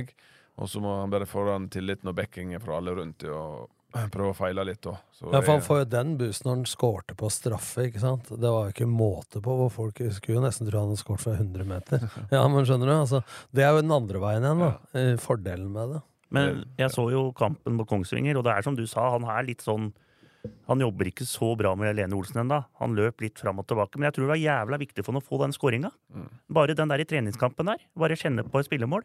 Men jeg prata med Skogvold etter den kampen, og da sa han til meg at i den kampen så jobba han spesifikt med posisjoneringa si, mer enn han Altså, skåre var alltid moro sånn, men det var, han sa at det var viktigste for han var å jobbe med hvordan han skulle bevege seg i, forhold til Thomas, da. Ja, Han må tenke på at Thomas tar opp mye oppmerks- oppmerksomhet. Ja. Så det kommer til å dette ned mye rundt han. Ja. Så, så vær litt lure rundt Vær- han. vær Finn, i li, nærheten. ligge og stikk bak han. For Når en gang han møter en stopper, så kan han ligge og stikke. Men ofte der han eh, Og det er med, spesielt med unge spillere at de reagerer for seint. Det, det at de går når ballen går. Han må Ja. gå før ballen går. Sant? Han må gemle bueløp inn bak. Så Han må bare gjøre det ofte nok, sant? og det må skuleres på å gjøre. Og da må han oppleve at eh, det går tungt. Og så må vi også tenke på at fysikken, tempo, alt er mye raskere. Og det er det jeg føler. Han er jo en ung Med en gang han blir vant til å gjøre det nok ganger, nok spurter, nok repeterende spurter, nok uh, Hadde Sigurd Haugen i Sogndal, for eksempel, når han kom, så var han ja, så langt ifra det. Men etter hvert, når han fikk de når han orka å gjøre repeterende spurter, han hele tiden stikka, stikka, stikka, og nok ganger så skåret han mål etter mål etter mål. Så, så det handler om at han må orke og kvalitet i det nok, og da, da får han over tid. Så, Men det er ikke så lenge siden. Så husker Obos-ligaen, hvor mye Petter og sånn jobba da med Thomas. i forhold til, For han var alltid så tidlig inne foran første stolpe, med de bueløpa Erik, som du snakker om. Og begynte å se på bevegelsen. Så der kan han plukke opp mye fra deg, men også fra Thomas nå, da. Mm. I forhold til bevegelsen inne i boksen. Og være litt smart. Men det var jo nesten motsatt med Akor og Thomas, da. Ikke sant? For at eh, de, de kom til å begynne med ofte i samme rommet. da. Så er Thomas en fantastisk rollefigur både for Akor, da vet jeg, for jeg kjenner Akor godt, han, hvordan Thomas har tatt vare på han, selv om han måtte gjøre en rolle som var litt annerledes. da. Ja. Og nå uh, er han veldig sånn rolle, uh, god, god farsfigur for, uh, for Henrik, og, sant? og som prater med han, og du må gjøre sånn og sånn. og så Han ser en ung Thomas kanskje i seg sjøl, da. Ja. Sant? Så, uh, så gjør, gjør det til at han Det viktigste er at Henrik ikke spiller med bremsen på. Han må spille med ikke høye skuldre. Men det er mye likt. At jeg husker jo Thomas helt fra HamKam og Godset med blondt hår og litt Dolph Lundgren-sveis og tynn og, ja, og veldig aggressiv. Altså, men han har jo vært fantastisk med de tinga som du sier, da. Og folk tenker sånn han skårte 26 mål et år, og så tror hun bare legger blåpapir på det. Men du ser jo forskjellen. Han skårte jo 8-9 eller sånn i Obos, så det gjør det 26 i, i Eliteserien. Han har, han har allerede ni år òg. Selv om han har kommet litt i skyggen av Adams. Han er på en, eh, han er på en god strik nå, så det er bare, bare den siste headinga som du sa, Ja, fy faen, det er- det, stor idrett. Det gjelder bare å få nok baller inn i boksen til han. Sant? Ja. Den- Få nok innlegg, få nok situasjoner inne, på en måte så kommer han til å skåre mål. da. Mm. Og det får vi òg Henrik til å være enda bedre posisjoner rundt der, og få wingback inn, og få inderløpere inn i boks, og av og til stopper òg etter hvert, hvis vi må, må ting. sant? Men har, det har det noen rollefordeling? Altså Skal begge tru bakrom? Er det en som skal møte og en stikke, eller vil du helst at begge skal være på hugget? Nei, det er mest uh, naturlig nok at det er Thomas som dropper mest. Ja, ja. Så stikker Henrik bak. Det, så må det, må det variere selvsagt hvilke posisjoner. Av og til så er Ja. Henrik der, da må Thomas Men du vil at de, når de er to, skal være forholdsvis smale? Ja. Men eh, før du kom hit da, til uh, Lillestrøm, så har du gjort en god spillerutviklingsjobb for LSK, da, med Ogbu Adams og etter hvert også Roseth, da, som er tilbake. Du, så du, du, du kjenner jo godt til spillere som de har solgt, solgt for 80 millioner, eh, de, de to første der nå. Ja, det, men det er jo to bra gutter som Akor kom jo var 18 år og uh, var ikke helt klar for å komme tilbake etter et halvt år. Og så fikk vi han på lån med opsjon, og så hadde en eventyrlig juniorsesong som veldig også i forhold til tok Sogndal til vannfinalen vant finalen mot. Rosenborg. Så han for det første er han en fantastisk gutt som øh, jeg setter ned på gutterommet mitt nede hos mor mi, så det er der han har bodd. Så eh, alle årene han har vært i Sogndal, så vi har hatt bra kontroll på han. Men han er for det første en fantastisk person, og så Igo er jo en spiller som vi henta egentlig som sekser til Sogndal, for vi mangla en etter Baba Kazar, sånn type. Så fant jeg fort ut at det der gikk ikke. Eh, jeg måtte ta den bak og putte den inn i en treer. Vi hadde spilt i fire bak en, tok han inn i en treer med en herlig mentalitet, og fikk han inn i strukturen og en, en rolle som passet han perfekt da, og i en ung alder. Så, så, så det Martin Ove er litt av samme. Litt samme, bare han er norsk. Jeg kommer fra Molde og fikk han lokka han opp til oss på lån, og så fikk vi han permanent, som, som har et voldsomt potensial, men har hatt litt utfordringer med Selv om han har spilt rundt 25 kamper i sesongen, så han har hatt litt, på slutten av sesongen så han har hatt litt hamstringer sånn, men tre gutter som er veldig tydelige på at de kommer til å gå videre. Eh, så, så de, selv om jeg, det er de som henta dem på Bossmann, så Men han holdt jo på Men når, når Sigurd var i Odd, vet du Sigurd Haushaugen var i Odd Han er vi fan av. Vi er fan av han i Sigurd Haugen. Men Fag, Fagermo satsa jo ikke på han. Og så møtte, Jeg vet ikke om du husker vi tapte 4-2 eh, med Skeid og Sogndal. Så var han ute på sida, vet du. Jeg, jeg var irritert på han som faen, men så sa jeg til han Fy faen, du er et sjarmerende rasshøl, sa jeg, men jeg skulle ønske jeg hadde deg på laget. ja, men du, Sigurd er litt sånn, ikke sant? Han holdt jo på å havne her. Og, og det er sånn, han signalspiller, da. Irriterer motstandere, men gikk konstant på løp, og så videre. Og rabla for han på feil innkast og sånn. Du må ha en sånn. Så jeg håpa jo på at han skulle komme hit, men ikke for å skyve ut Henrik, på en måte. Jeg vet ikke hva du kan si om Sigurd, men jeg syns han har vært talent i mange jo, år. Han kom fra Odd, og så spilte, uh, gjorde han jo hat trick først, uh, trens, siste treningskampen før oppkjøringen. Nei, før vi møtte Ålesund i, i uh, serieåpningen. Og så hadde vi trening på mandag, og så trening klokka tolv, da. Så kom ikke han på trening. så han Kjetil Haug var der, og veit jeg var sammen, så tenkte jeg ok, nå er han sikkert sendt oppe. da. Så jeg, jeg gjør ikke noe mer. Det er de som ikke kommer. Da ringer han hele ettermiddagen. ringer der, og så sier ikke noe. Så kommer han inn neste dag. sant? Så, så visste jeg at skal jeg få han til, så må han skjønne det. eneste han skjønner, det, det er at han ikke spiller fotball. Ja. Så da, eh, da tror jeg han var åtte kamper på benken. Og vi lå nummer 13 på tabellen i Obos-ligaen. så tok jeg eh, Skottan hat trick. Du får vise deg det andre laget. Skottan hat trick i dag, og så fikk han sjansen mot Nessotra. Så vant vi 1-0 i en sliteseier. Og så Han jobba røva, så vant vi 1-0 liksom trenger, og så skåret han fire mål mot Notodden eh, tre dager etterpå. Ja, ja. Og resten var gjort. Men han måtte bare skjønne da hva det Ja, ja. er å være topp. Ja, Skal, ja. han, han er kling, sånn, var ung gutt som trodde han var best på sånn og sånn og kunne gjøre som han ville, men med en gang han skjønte den delen Han trodde han var straffa, han da. Sant? Skikkelig, det var ikke sånn jeg tenkte, men Ja. jeg måtte bare lære han opp. da Uh, Men så, så han har jo Han har en spisskompetanse som er helt enorm. Står, han står aldri over en trening. Trener hele tiden, utenom den ene mandagen. Så- så- så- Bare på Legareid, han, da. så- Men, men det, du må ha disse galne typene. Spissene er Ja. litt sånne ting. På en måte. Du, må, du må akseptere at de er litt annerledes og litt uh, annen type. Så, så uh, Men uh, i forhold til Lillestrøm så, så var jeg veldig tydelig på at det er noe som klubben må ta videre hvis de vil prate med Sigurd. Da. Men tror tydeligheten med å satse på Henrik nå er helt rett der som eh, klubben er. Men jeg sa det til ham når han spilte i Sogndal. Eh, men eh, da var jo noen i klubben interessert. Ålesund, mener du? Ja, i Ålesund. Ja. Eh, men eh, ja, før han begynte å skåre Nei, han var i Sogndal når jeg sa det første gangen. Men så andre gang så var han i Ålesund før han begynte å skåre. Men når han da hadde begynt å skåre, så var han jo plutselig for dyr, ikke sant? Så havna han i Han gikk jo til Belgia for fem-seks millioner til Union.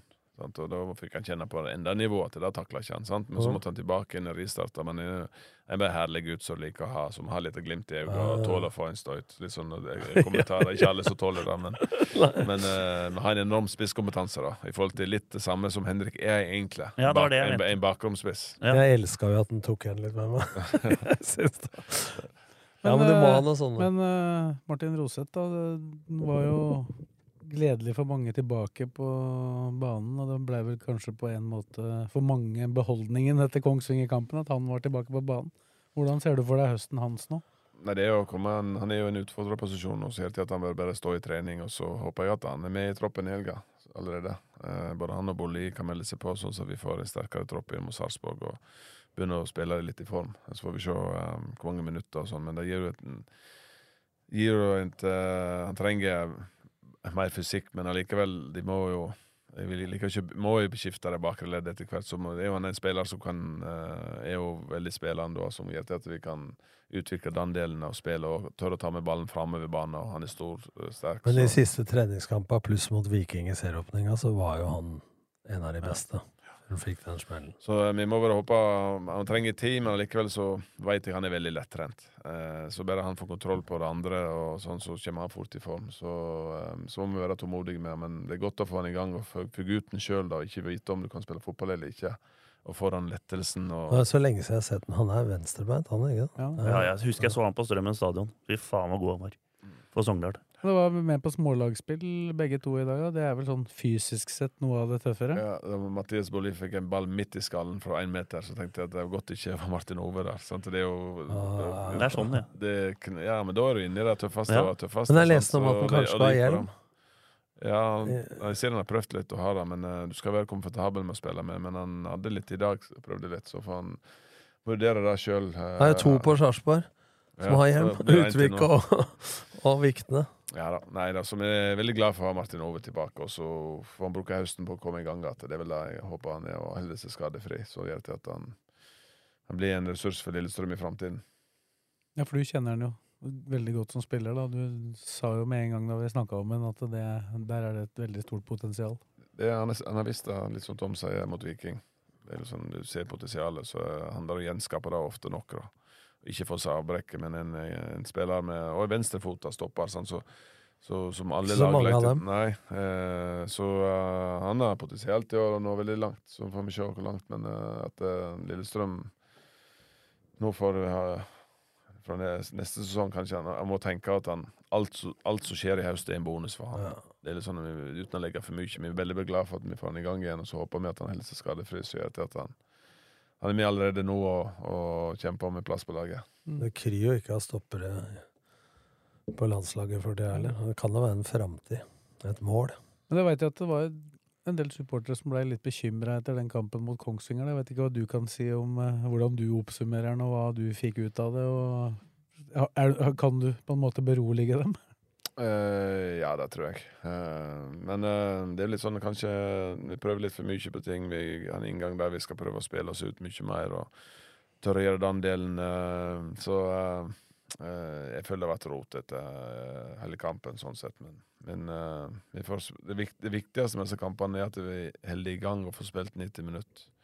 Med drakt på flere for Nå valgte jeg å stille med et lag, ganske sterkt lag ganske lenge, for, mange årsaker. Eh, Eh, til at jeg føler det laget som spilte, er det beste laget nå. Eh, og de som er bakom, er bakom. De må kjenne på det òg etter forrige uke. Så eh, det var en dårlig kamp med med andre laget der, så de må vise, vise seg for bedre sider skal de spille på første laget òg. Så det vet jeg de har i seg, men det er veldig tydelig nå hvem som starter. Og så må de andre jobbe for å komme inn, og så så jeg jeg at vi må på et helt annet nivå. Ja, men hvis folk Så- skal så- få samhandling i forhold til sånn du tenker, Mm.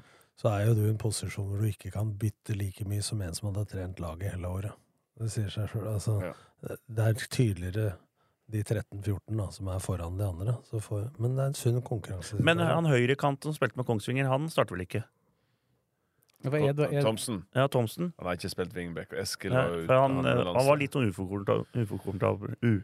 Du, forklarte, Ja, du forklarte jo litt. Jeg tror ikke jeg skrev det du sa om Thomsen, men du kan jo si det du sa om han, med tanke på tre kamper på veldig kort tid. Ja, jeg var inn allerede halvtime mot Ålesund og spilte han full kamp mot Frigg. Og så, og så da spiller han en sekser og spiller han indreløper, og så hiver han på wingback for han må gjøre en jobb der. Så han er 20 år, Mm. så han kommer til å bli en god spiller, men han vil kaste den. Så I pausen så begynte han å kjenne lysken, selvsagt. Så, så uh, pusher han litt for mye, kanskje, men uh, Men uh, Han er klar nå, eller? Ja, han trente i dag, ja. Ja. Så, så det er amerikanere, de er Tre er kamper og fire posisjoner. Takk skal du ha, Eirik. så, det er, så, så det er litt mer min eh, Sånn må folk må Han har spilt wingback før. Og så, men det, det er når folk er ute, og så må folk òg gå inn i roller som kanskje er litt annerledes. Men de må ha fysikk og fart, og alt skal de spille på wingback. Da må orke opp og ned. Og han har de tingene der. Og så får vi se om han spiller til helga. Eskil er tilbake, så spiller han. Han spiller landskamp i morgen. Så, eh, så, så lenge det går bra, så, så spiller Eskil eh, Hvor langt unna er Lars nå? Han har vært pappa på lørdag. Så, ja. så han, nå har han fått det unnagjort. Har vært far til en gutt. Så, det, Men det brukte han ikke ankeren på. Nei, men han er jo- er jo er jo ruti- rutinert. kunne Han fort vært skada der òg, han. Han ligger i en landslagspause, så det, så det er bra. Er Nei, rutinert. Så han, det har han fått gjort nå, fått ro, og så håper vi at han eh, er ikke er tilgjengelig til helga, men uh, kanskje Rosenborg eller Brann. Uh, Han ville fått ros av gamle Joar Hoff. Han sa, han sa til til sønnen min føder gjør vi utenfor sesong eller i landslagspausen. Ja. Det vel, han har vel, Lars har er vel, en, er vel en bror av Joar Hoff som ble ganske kjent for uh, fødselsuttalelser med Ole Martin Horst. Ja. Nerik-Line kalte han det. Nei, men eh, i forhold til det vi er inne på her, i forhold til, vi må opp på et halvt annet nivå enn vi har vært ikke bare med Kongsvinger, men til Ålesund. da, skal vi vinne i Sarpsborg. Så da vet jeg og da vet spillerne, da vet alle som ser på en måte at vi må opp på maksimalt nivå. Alle må være der de skal være. Da, da slår vi Sarpsborg, for jeg mener vi er et høyere toppnivå enn Sarpsborg. Men den fyringa må være der. altså den, ikke så mye konsekven ja, Det jeg likte, var at det var ikke så mye konsekvenstenkning. Det var ingen som titta seg bakover. Førstemann dro, nestemann kom. Altså det, det er en smitteeffekt, det er et signal når aggressiviteten er sånn fra start. Har blitt døpt til Sarpelona, dem nå, da. Ja. de har vel døpt seg sjøl til Sarpelona, faktisk. Men det må jeg si, jeg har stor respekt for alle trenere, men jeg så på det der fotballpunch, og jeg påstår at det er brukbart oppegående fotballtaktisk.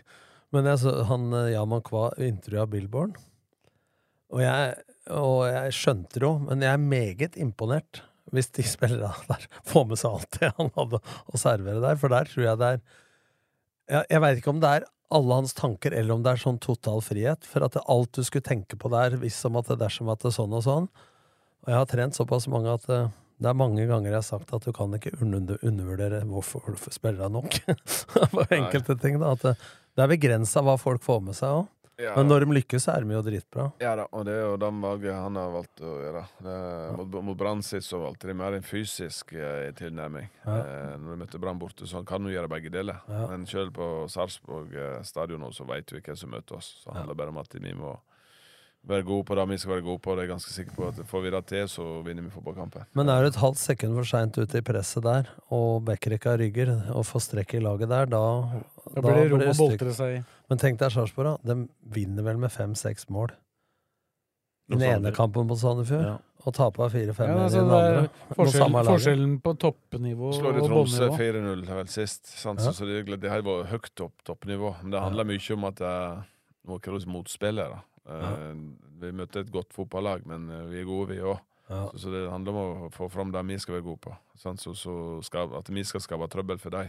Ja. Hvis vi tror at vi skal gå ned der og så forsvare oss til en seier, eller på en måte, det er ikke tro på. Han må være god i eh, både med og uten ball, og så må vi finne en måte å gjøre på som gjør at vi, den kvaliteten vi har med ball, så er jo det som gjør at vi vinner i godset òg. Til Gjermund og til Thomas og da spiller folk til innløp i boks. Og det er sånn, Jeg syns det er for mye fokus på hjemme og borte. Altså, banen er 105 Nei, men og 68. Ja. Altså, Men du, men du har vært veldig fokusert på, at, på eget lag, og veldig lite på motstander, uh, så langt i hvert fall.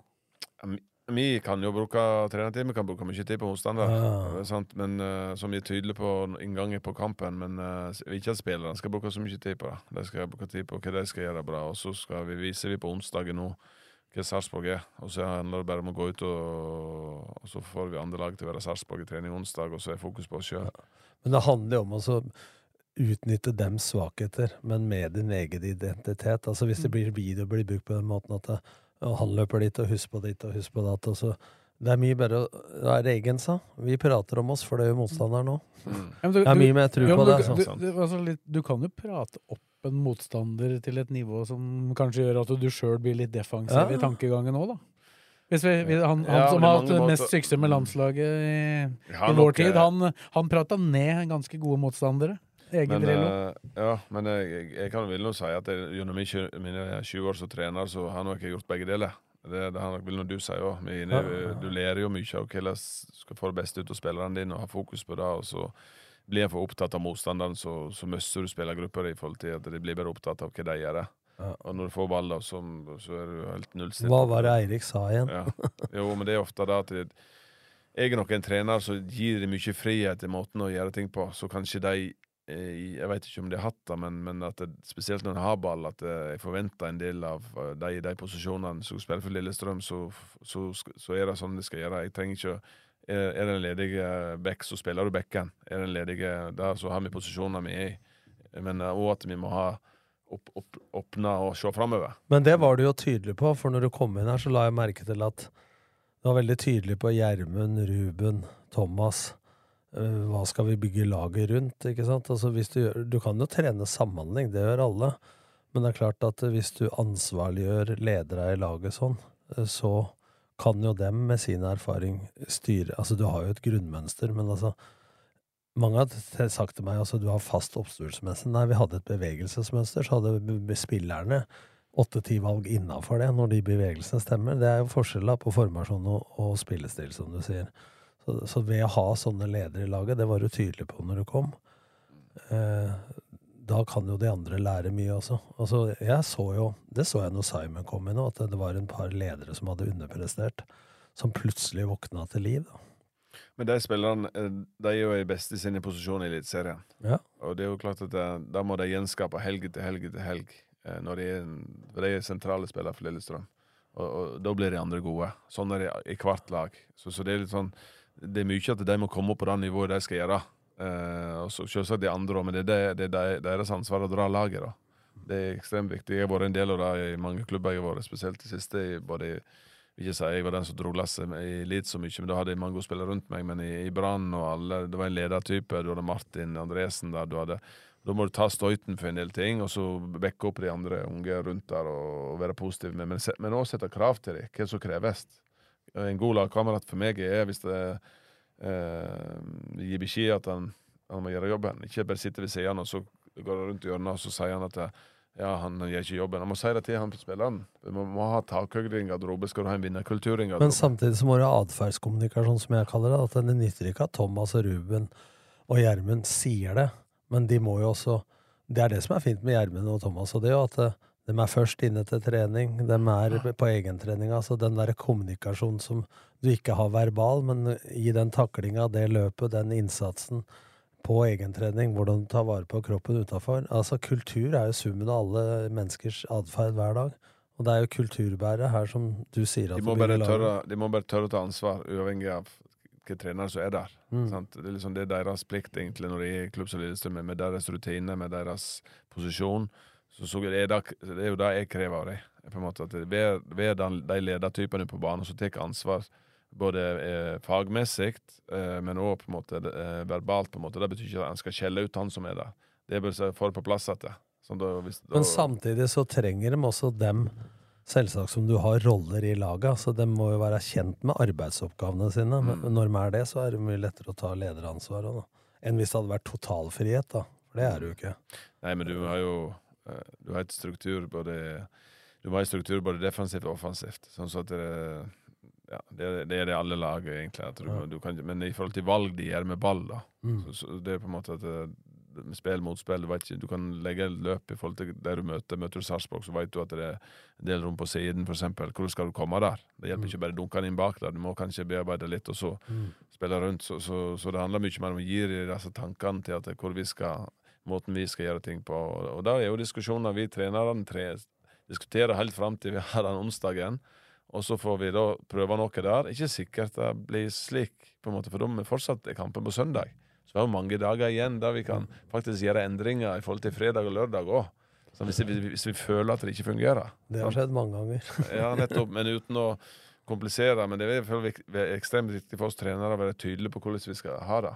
Det er, liksom, det, det er nummer én. Og det, det er også av og til utfordrende når, når, um, ja, når du du har mange sterke personligheter òg. Uh, sånn, så jeg vil veldig ha høyt takhøyde i forhold til Jeg vil spillere skal si akkurat det de mener. Både til meg og alle. sånn så at jeg får opp da. Sant? Er det noe du er uenig i, så får vi prate om det, og så til slutt så bestemmer jeg veien. Sånn, mm. sånn gjør vi imot kampen. Men og det tror jeg er et sunt miljø å ha. Det, Men da har du allerede, hvis folk, det skapes en kultur hvor folk ikke er redd for å si det, og konsekvensen, så har du jo skapt da en åpenhetskultur allikevel være tydelig på hvem som bestemmer. For hvis går, det, blir, det blir sånn derre kontorkultur, som jeg sier, at det blir små kollokviegrupper som prater om tinga. Altså, men det er jo ledelse i forhold til hvordan vi vil ha det. For det er ufarlig å være uenig om ting. Nå pleier vi også å ta ut uh, det vi tror blir laget til helga, men nå har vi jo han som skal ta det ut her. Da. Det, hvis, jeg, hvis, jeg, skjønner riktig, så blir det ikke store endringer hvis det ikke skjer noe fram til kampstart. Nei, det tror ikke jeg. Uh, så får de lese det sånn som de vil, men uh, på noe- treningen på onsdag, da, så ser du vel konturene og det laget. Men det kan skje mye fra onsdag til, til, til, til helga. Men, men uh, Ja, så er det spørsmål om du har Eskil Ed tilgjengelig på onsdag. Det kommer litt an på hvor mye han spiller på tirsdag, vil jeg tro. ja, jeg håper bare at hvis ikke han spiller, så bør han være tilbake og trene. For det, da sitter nok på benken der. Så, Han fikk en, eh, fikk en halvtime ca. cirka sist og skåra mål. Skåra et mål, så jeg får håpe de trener godt Men, imellom. men der har du et poeng. Altså, for jeg husker jeg hadde seks spillere i landslagstroppen med start 2005. Fy faen, jeg var nesten jeg var oppe på Sognsvann da, vet du, for at det, de, Doffen som var i laget, han fikk nok. Han fikk nesten for mye. Men alle de andre som var reserver Jeg måtte jo faen meg i form til å ta T-banen opp til Sognsvann der og kjøre dem på noen intervaller og greier, for det var ikke noe fire mot fire for reserver og sånn den gangen. Ikke sant? Jeg sa til Bjørnby nå må du faen meg kjøre. Så de kom jo tilbake i dårligere form enn det de var når de dro. Mm. Men du skal ikke undervurdere at du får 14 dager og spilt 5-10 minutter, da. Det er mange som klager på det, men Eskil er heldigvis en, eh, en gutt som tar vare på seg sjøl. Ja. Så eh, får tro at han får spille i morgen, så er han restituerende i et par dager. Så står han over på onsdag, og så er han klar til, til kampen på søndag. Det er det som er Det optimale er at når han får 45 minutter, så kan han trene likevel. Eh, ti, ti minutter, kanskje. Så han eh, tviler på hvis han spiller en omgang eh, med hans litt historikk, og så må vi passe på han litt i forhold til belastninger. Men, eh, men eh, det er viktig for oss å få han klar til, til kampen, iallfall. Han har vært solid, syns jeg, i alt han gjør siden han kom inn. Han er jo, kan og, av og til ha like gode kamper. Jeg har sett kamper når han har spilt venstre og kan skjære inn i banen. Så han gir oss en mulighet. Det jeg savna litt for ham i år, er at han Før skal han så tørte han litt mer, men jeg var så glad mot Ålesund når han tok den venstre og høyrefinten, men så blåser han ballen over der. Altså, han har litt for ofte, syns jeg, bare tråkka på ballen og spilt den bakover, istedenfor å slå innlegg eller utfordre en mot en, for det er han bra på. Hvis han bare Vi må bare sette han opp i bedre posisjoner og, Ja. vi har flere på ballsida som sier at vi kan gi han flere alternativ. Han blir ofte så å si én mot én eller to mot én. Mm. Eh, så, for han har ekstrem fart. Og, en, uh, Veldig frekvens på de første meterne, hvis han først får uh, Ja da, han er, Eskil er en uh, bra gutt som eh, har framtiden foran seg. Så, så, så får Lars tilbake og nå, så har vi flere uh, strenger å spille på. på du har vært flinke til å være skada annenhver gang. ja, det, det er bra ikke begge skader samtidig. Før vi avslutter bolken med LSK, da, du er jo her da ut sesongen i utgangspunktet. Hva, hva tenker du om framtida utover de ti kampene som er igjen? Ja, det er jeg helt ærlig på. Veldig sånn lite, egentlig. Jeg må kjenne litt på hvordan det er nå. Så får Lillestrøm kjenne litt på hvordan det er å ha meg her. måte, til, må, Det er litt sånn brytning. Lillestrøm må finne ut hvor de vil gå nå, eh, i forhold til måten de skal gjøre ting på i framtiden. Det føler jeg eh, Sånn som jeg kjenner litt på nå. Eh, Så er jo Lillestrøm en klubb som jeg ser veldig sånn det er en klubb som jeg liker å være i så langt. Det er en klubb som har ambisjoner. Det er en klubb som, som jeg tror vil passe meg veldig bra eh, i måten å gjøre ting på. Så lenge den rette veien går, går, går, går framover. Så, eh, så det får vi se. Jeg eh, handler om å vinne nok fotballkamper. Så gjør jeg det, så kan hende jeg har lyst til at jeg skal fortsette. Nå pleier ikke jeg å smiske, da, men jeg sa jo faktisk for noen episoder, du hørte det kanskje Jeg mener jo i forhold til kulturen i Lillestrøm, og det som du står for, så sa jo jeg det at det, er kanskje fordi det er mer i, sånn jeg tenker, men sånn jeg kjenner Jeg har kjent Lillestrøm siden jeg var fem år gammel. Så mener jeg at det som du står for, er mer Lillestrøm enn når alle maser om eh, at Gaute Helsrud skulle stå her, selv om eh, han har gjort en fantastisk jobb. Men jeg mener at sånn som Lillestrøm var i fjor høst, og nå på slutten, så blir det for meg for mye på tvers, for mye possession-orientert, eh, for mye bearbeiding osv. i forhold til det som Lillesund har stått for før, og som du står for. Det er min klare mening. Da er vi klare med lokalfotballen, eh, Fredrik. Vi har beholdt eh, Eirik Bakke her en liten stund, for vi må, vi må snakke med han litt om LSK2. For det, siden vi var her sist, så har de tapt eh, 6-0 for Frigg og 2-0 for Lysekloster. To lag i toppen, riktignok. Eh, Vet ikke om du kan si noe om det? Du veit at du var eh, på Marienlyst, eller er det Tørtebæl de kaller banen, eh, rett nedenfor NRK der? Han er tørr òg. Ja, den, eh, ja, det, det, det, ble, det ble mye snakk om den nå blant, blant supportere. Ja, ja, det skjønner jeg godt. Eh, Det var jo en kamp som jeg vet ikke om jeg skal mest er vel sagt om den, både fra Pål André og de andre, i forhold til innsats og Jeg tror ikke det har så mye med innsats å gjøre, for det er guttene som er der, de prøver. Men uh, de må gi mer enn de gjorde, da. Uh, Når de, det er et ansvar når de kommer ned og spiller i kampene, og forventningene til dem er mye høyere enn andre. så så veit jeg jeg har vært med på mye før eh, i forhold til at det ikke alltid er bra å sende inn 28 spillere. Det beste er kanskje å ha to-tre med de unge gutta som er der, men, men det, var, det var en kamp som ikke var holdbart i forhold til å ha på seg Lillestrøm-skjorte, hvis, hvis jeg kan si det sånn. Nei, det, det, er, vel- det er som vi har pratet om eh, Jeg har prata med deg på telefon før i dag, at det, sånn som du sier, Bakke, at eh, det holder Hvis du får den der, disse juniorene som har spilt sammen, som har litt relasjoner, og så én god stopper, og én og god keeper, og så en god spiss. Det holder, en altså. Det holder istedenfor å få sju-åtte. For de, det, det sier seg sjøl, de gir bare 70-80% De er redd for å bli skada. De tenkte A-laget. Men det er en ting til, Fredrik. Altså, en ting er at uh, dem holder igjen litt. Men jeg tror også at de burde vært motsatt. Men jeg tror at de unggutta som er vant til å ta ansvar, og så får de plutselig seks, sju, åtte A-spillere, da tenker de at oi, nå tar de ansvaret.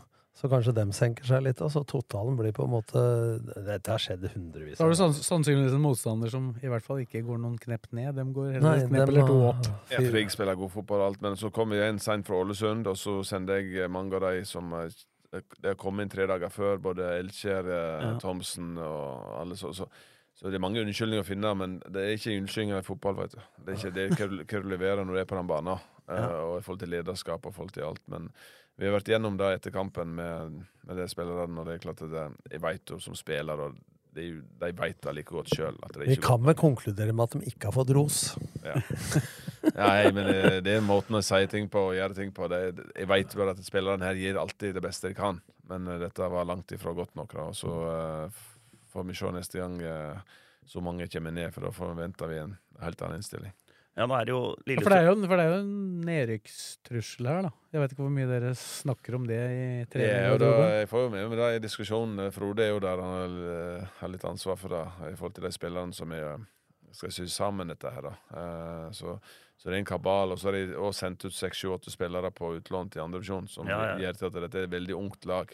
Å ha et ungt lag eh, med førsteårsjuniorer i, i en voksenliga, det er ikke bare bare. Så, så, så de har satt seg sjøl i en liten vanskelig posisjon, da. Eh, Men likevel så er det nok kamper til at eh, en har mulighet til å, til å De har vel eh, tatt et, en seier på siste ti eller ti kampene. Ja, Det et åpna jo egentlig sesongen ganske bra, med også veldig ofte Hvis du hadde gått inn på lagoppstillingen mot Frigg i det motsatte oppgjøret, så var det et antatt svakere lag den gangen. Forsvaret var omtrent det samme, men uh, da var det jo Og så hadde du Henrik Skogvold på topp. Det tror jeg var den siste kampen Men- før, før han dro til Men start. seks mann i eh, Lille, Seks mann i Lillesund 2 spiller jo Strømmen og greier seg på øvre Men det har ikke spilt for dem i hele år, da. Nei, jeg, jeg skjønner det, men at uh, Ja, på en måte blir det et Det slags blir en- Lillestrøm 3, da. Ja, men det blir jo en utfordring gjennom hele sesongen, da. Mm. Når kabalen blir, og pluss slutten her skal du spille på samme dager og så videre. Ja, og så har vi eh, ikke så stor tropp nå heller. Så, så, det er litt sånn eh, å det sammen til at jeg er veldig opptatt og jeg som klubbmann i Sogndal å få et godt eh, tilbud til de unge på andre laget. Men det er, det er litt utfordrende akkurat nå, den delen. Og så får Pål André lærer litt om hvordan det er å være trener. Det er han som får kjeft, da! Jeg har, jeg har vært mange ganger i den situasjonen der du skal prøve å holde lag, så nå får vi se hva han try- tryller fram. Det, han han kasta Frode inn på siste 15. Jeg vet, som, Ja, jeg så som, han kom inn på der! som spiss, jeg vet ikke. Det er spillerutvikling, det, Helland. Det var mot, det var mot serielederen, da. Ja, så, det, så det resultatet isolert sett var jo ikke så ille, faktisk. Nei, men det var jo på noe, det hadde jo ikke flere spillere. Det er derfor Frode kom inn på. Han tar jo ikke noen plass, og det Frode er jo lojal og gjør alt. Han er fantastisk ut Som, eh, så gjelder det bare å nullstille, og så, så er jeg ganske sikker på at Lillestrøm 2 skal, skal holde seg. Ja, og det er jo Neste match nå er jo viktig når det gjelder den Erikstriden, for da møtte LSK2 Gneis borte, som har fått en tre-fire Fana-spillere. Men den ene ble skada nå, prata vi om før. Ja, det var en som gikk ut Ja. her. Jeg vet ikke om alle kom fra Fana, men de har i hvert fall fått tre-fire nye spillere. Så Ja, og hvis de vinner den matchen, så er det fem poeng og seks kamper igjen. Og da tror jeg de Det viktigste der er vel egentlig å ikke tape den. Jeg har fått det sånn som U- U- Grorud 2 og Ullern 2 er ferdig. Som jeg kan se det. Er det tre som rykker ned? Og så er det jo to hjemmekamper etter det mot uh, henholdsvis Skedsmo, da. Uh, Ja. Som også er nede Ja, der. er- Og, og Ullern 2. Men Skedsmo tapte ikke dem 7-1, eller noe? 7-0 mot Sandviken i går. Skedsmo 2 har en viktig kamp i helga, for det vinner de mot Lokomotiv. Oslo, ja. Ja. Så Dem- det, de er ja. ganske like òg. Du er pålest, du, i lokalen. Du har lest leksen, du. Og, lo, og Jeg, jeg, jeg må jo følge med nå. De har 20 poeng, og de er på vei Ja, ja. nedover. Så, så hvis de får dratt dem med litt, da, I motsetning til deg, Blakkaren, så kommer han forberedt. For, for der har dere altså de, Hvis du tar bortsett den Gneis-kampen nå, der vil det jo ikke bli noen A-lagsspiller uansett, for den spilles jo, spilles jo samme dagen, eller dagen før dere spiller mot det- Sarpsborg. er det bra eller ikke? Nei, det veit man jo ikke. da. Det vet man jo ikke, da. Skal vi vurdere ut fra Frigg-kampen, så er det jo ikke nødvendigvis noe ulempe. Nei, det blir vel uh, Vi har ikke tatt den diskusjonen ennå, det er så tidlig i veka. Vi får bare se hvem som er med på søndag. Og så, For de tre neste, det er jo mandagskamper. Ja, så Eh, eh, det Du må avgjøre det før de to siste rundene, for de går vel likt De går likt. Ja, så med A-laget. Det er vel noen regler og at du kan ikke Du må, du må Runden går på samme dag, alle ja, og så er det noen regler i forhold til at det er de siste kampene. Så, Antall spilte kamper Ja. og sånn, ja. Ja. På, du kan ikke bruke spillere som har spilt x antall kamper. Ja. Det er noen sånne regler som eh, Ja, det er noen sjuke regler i denne fotballen. Spesielt med andre lag, da. Så kan du ikke ta det med tre over 23. Det må være under 23. Men bomma jo faktisk på det der i fjor, for da spilte jo Philip Slørdal en kamp uh, fra start som de vant. Uh, men da hadde han spilt Hadde de glemt at det var cupkamp som var den forrige A-kampen, så han kunne jo ikke spille det. Så da mista de jo de tre poengene den gangen. Men det er alle muligheter. Det ligger fortsatt på rett side. Så som sagt, denne kampen mot Gneist blir jo en, en viktig kamp for det. Så, så er det en læring fra gutter å spille viktige kamper. Det er Ja, ja. derfor de er der. på en måte, At det ikke bare ligger på Av og til så må jeg reise sjøl, men jeg tykker litt jeg skal si, jeg tykker litt synd på dem nå, for det, det, det, de unge gutta der må stå i mye. Det er ikke de som er dårlige. På en måte, det, det er egentlig at mange av de etablerte juniorene har reist ut. Og da blir det veldig tøft i en tredjedivisjon som er veldig bra. Mange gode lag som satser godt. Lysekloster er budsjettet. De, ja. de spilte jevnt med dem i helga, så det viser jo at det er mulig. Ja, det er vel kanskje en av de verste puljene, hvis du tenker For da har du mange gode Bergen-lag som satser. Det er stor, det er stor, forskjell, Fana, det er stor forskjell på den, for, den favorittpulja di i Nord-Norge. Ja, den er ikke Hammerfest, null poeng, seks scora, 81 Hva har du mål til kalt dem? ikke? Hva har du- kalt dem? Fiskekasselag? Fiskekassepulja. Ja, ja, det er jo mange lag du har I Sogndal to-avdelinga, så har du Hødd 2, Raufoss 2, du har eh, er jo det er vanskelig lag å møte, men det er litt sånn det, men, eh, så, så, men det uansett, det er muligheter. Bør, eh, Lillestrøm 2 bør holde seg. Det er Ja. for- ut fra forutsetningene, så jeg eh, satser på at det der går bra. Vi kaster utfordringa videre til eh, Pål André Helland og Frode Kippe der. Det Ja. brenner nå, gutter. Det brenner nå. Det takler jeg. Bra, tror jeg. Da, tror jeg vi, da sier vi takk til deg, vi, Eirik, så kan du få snike deg ut mens vi fortsetter eh, vår gjennomgang av eh, lokalballen. Takk for eh, oppmøtet og bidraget. Takk for en hyggelig fotballprat. Du må høre på resten av poden, for nå blaker Blakeren skal underholde. Han, han, han er ikke, han, jeg har hørt på han, men han er som regel bare i utlandet, så han er godt å se han når han kommer inn i studio.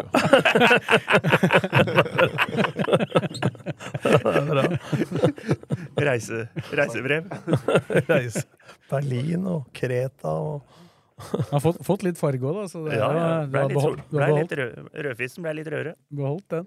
Ja, Skal vi fortsette i den avdelingen? da? Du nevnte jo så vidt Skedsmo her. De gikk jo på en stygg smell, men de har jo også møtt veldig mange tøffe lag i det siste. Ja, også nå har jo Det, det liker jeg med Skedsmo nå. Nå satser de mer på Det har de av at mange dro, men mer yngre spillere. Litt- Ve- Vet ikke om det er bevisst, da, men Nei, dette har jo det- vært min kjepphest lenge. Ja, men det er bra.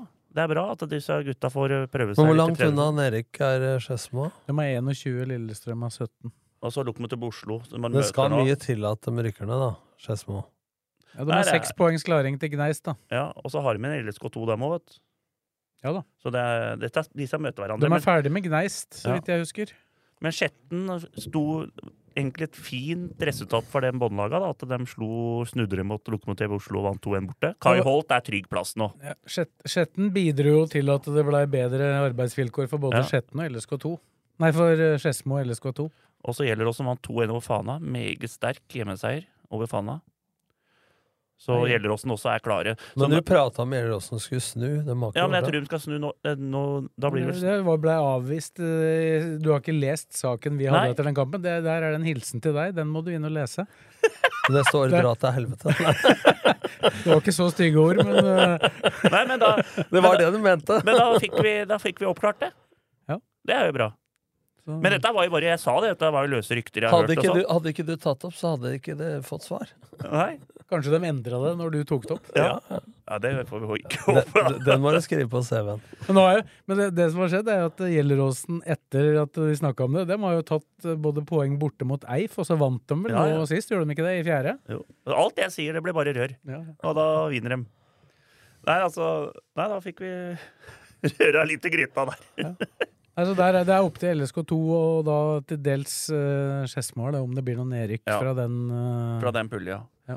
Og så er det Da kan vi gå over på Den Lørenskog-pulja har jo ikke noe å si. Der er det bare Lørenskog. Sterk seier på Lørenskog. Det Der var, jo, der var jo for øvrig Det glemte vi for så vidt å prate med Eirik Bakke om, men uh, han Kjensteberg eh, Som trener med LSK en gang i uka. Han har trent, trent med LSK nå, så han eh, skal være med der litt. Grann, Hvis du leser lokalavisen, så er det en Ja. reportasje der.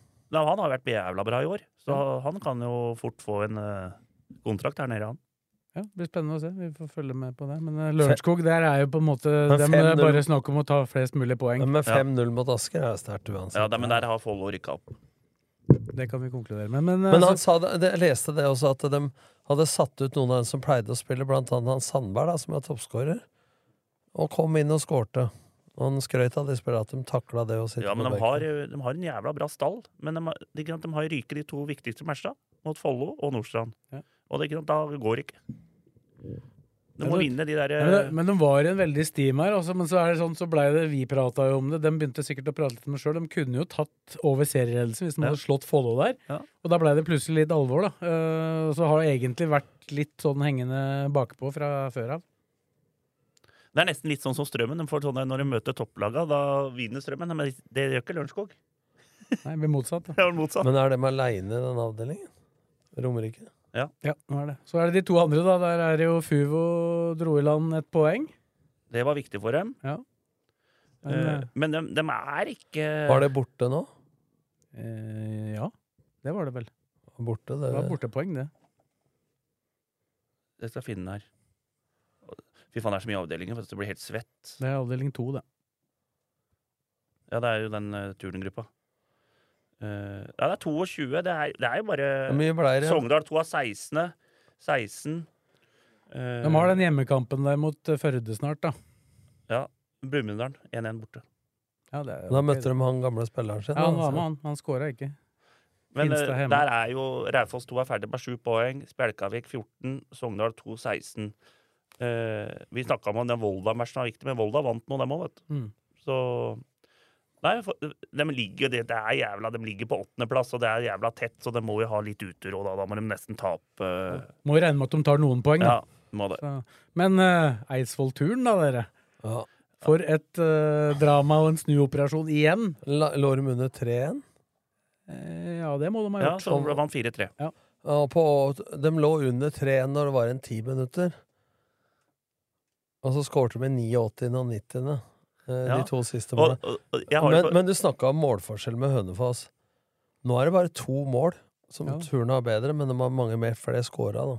For nå vant jo dem 5-1 Hønefoss Ja, ja.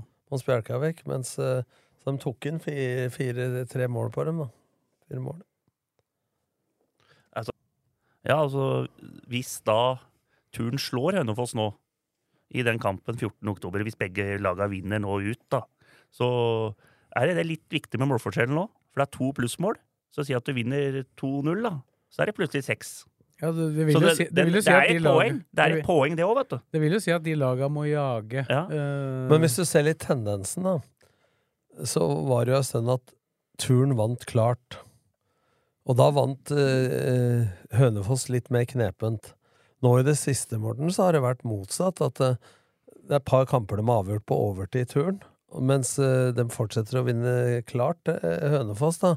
Så tendensen er jo at turen har nærma seg tapa. Så er det spørsmål hvordan de greier å bruke den boosten med å vinne to matcher på overtid. da. Til Ja. også at det og, og løsner litt. spesielt nå, nå møtte de jo tross alt det tredje, tredje beste laget. Ja, da. Klart det tredje Men det beste laget. Ja, men Høne, borte. Hønefoss slo jo dem ganske Ja, klart. de lå, men de lå under, lå under mot dem, dem òg, faktisk. 1-0. Vant 3-1. Men jeg, jeg må være litt skeptisk her, faktisk. Jeg tror altså jeg, Hønefoss har en breiere stall og har sett bedre ut i siste. Så jeg Ja. tror faktisk Men- Hønefoss men altså, tar dette. Altså, det er ikke noe tvil om at de har Men det er ikke så jævla råtips, det, da. Det Jeg kan, være- jeg, jeg, kan, jeg kan bare gå gjennom lagoppstillingen. Nå spiller jo sønnen til vår kjære Kjetil. Han er jo, Lars Rydje er jo inne igjen i, i, i laget nå. Om han ble bytta ut ved pause, se. Så jeg vet ikke. De bytta tre i pausen mot Spjelkavik. Ja, ja. Men så har de jo har de jo da mange som har vært involvert i han Alexander Groven, husker jo de Ja, fleste. ja. Han har jo spilt eliteserie både for Hønefoss og vel kanskje kanskje for Sarpsborg. Òg etterpå. Så har du han som var i Stabæk, Lumanza. Og så har Sander Ringberg, har jo spilt både her og der. En og, og han eh, Brage Berg Pedersen eh, kom Ja. er vel på utlån fra Kongsvinger, så det, Ja, de, de driver til. på ei annen hylle der. Du har en til. Amrani, som var i Vålerenga, som var i, i Finland i øverste divisjon, som var hos meg i Skeid i Obos-ligaen. Riktig. Og så er det han Gauti, har jo pøsa inn mål på i hvert fall ett hakk høyere opp. Ja, ja. Ja, ja, som var kanonlag, så Nei, men det er sterkt av tur nå, så bare holde Holde, livet i det. å holde si det livet. sånn, de har vært, vært, vært uheldige med avdelingen de kom i, det kan Ja. man vel si. For jeg Det- tror, tror de hadde gjort det brukbart i et par Du, andre du avdelinger. kan komme i den situasjonen her, da. At uh, de kan vinne 25 kamper, teoretisk sett. Du kan havne på 75 poeng og ikke rykke Ja, du kan ha, vinne 25 kamper og tape én. Mm. Og så går det på Hvis du, ta, hvis du taper den nok, så blir du nummer to bak Hønefoss. Hvis de vinner den siste. Ja, nei, det er helt sjukt. Altså, for det er, ikke, det er ikke så lett å se hvor altså, HamKam 2 møter Hønefoss nå, borte. Så har de Hødd 2 hjemme, det vinner de jo. Det er ikke så lett å se at dem skal avgi noe spesielt her, da. Nei. Så da må jo bare, må jo bare Eidsvollturen gjøre jobben sjøl. Hvis, de ikke, hvis de ikke tar en Egersund da, i divisjon, som leda med ni poeng og tre kamper igjen og greide å ikke rykke opp Ja, nå skal Eidsvoll turen til Førde. eh, Det var jo det laget de kunne leda 10-0 mot etter eh, en halv omgang eh, på hjemmebane. Så får vi se åssen det går. Så har de jo Fuvo hjemme. De Hødd 2 borte, Brumunddal borte. Og så er det den Hønefoss-kampen. Ja. Nei, det var, det var jo alltid tredjedivisjon. Skal vi hoppe over til den sjukeste divisjonen som finnes, da? Det er en spinnville. Den øverste lokale divisjonen vi har, den er, den er spinnvill. Ja, du, er- du dro jo for å se på Sørumsand sist vi Ja. var samla. Mot uh, Fjellhamar. Det Og- gikk jo ikke for Nei, Sørumsand. og der er det litt sånn uh, Sørumsand de er jo glad i spillet sitt. Og fikk to mål i ræva tidlig pga. at de spiller ut bakfra og blir brytet. Særlig og- på den banen nå, som og på er banen ganske som er så liten, det er nesten umulig å spille av den. Det er minste banen i, på Romerike, tror jeg. Altså. Ja, Hvem da? Har, har vi På måla, har vi måla på den? Hva, hva Nei, jeg har ikke det, men det er, linjedommeren står på 16-meteren i hvert fall. Den er, føles sånn. Det er, det er så Den er ganske lang, skjønner du, men den er ikke brei. Nei. Så Men eh, Sørumsand fikk to i ræva Så det er bare så vidt 16 med det. Altså feltet, feltet går nesten bare ut i linja. Men eh, Fjellhamar var klart best. Og nå, når jeg har prata om dette før Jesper Kornbakk, Simen Melby, to veldig viktige spillere for Sørumsand. Nå har Simen Melby fikk jo rødt, to kamper. Måtte stå over mot Fjellhamar, og må stå over i dag mot Ullskisa 2. Det har noe å si. Jeg tror Sørumsand, jeg skal bort og se Sørumsand etterpå. Jeg tror de kommer til å slite mot Ullskisa 2 i dag. Nummer én mot nummer to på tabellen etterpå. Og, og så har jo Hølland, da. Aurskog Hølland.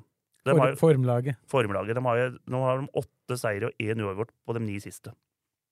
Og når du vinner åtte på denne avdelinga her, så er det topplag. Nå har de 38. Er Vestereng i støtet, eller?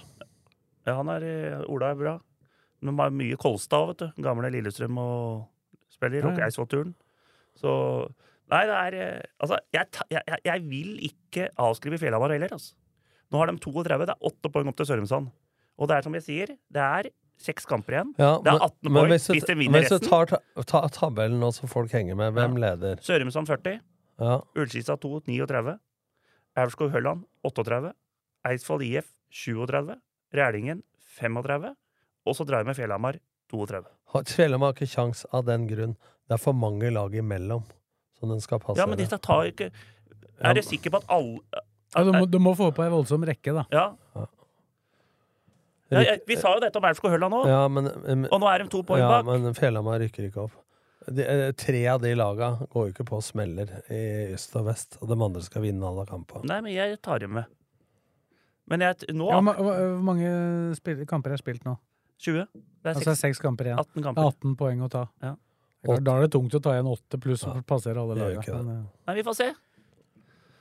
Men Ja. den, så, så, den Fjellhamar så veldig bra ut.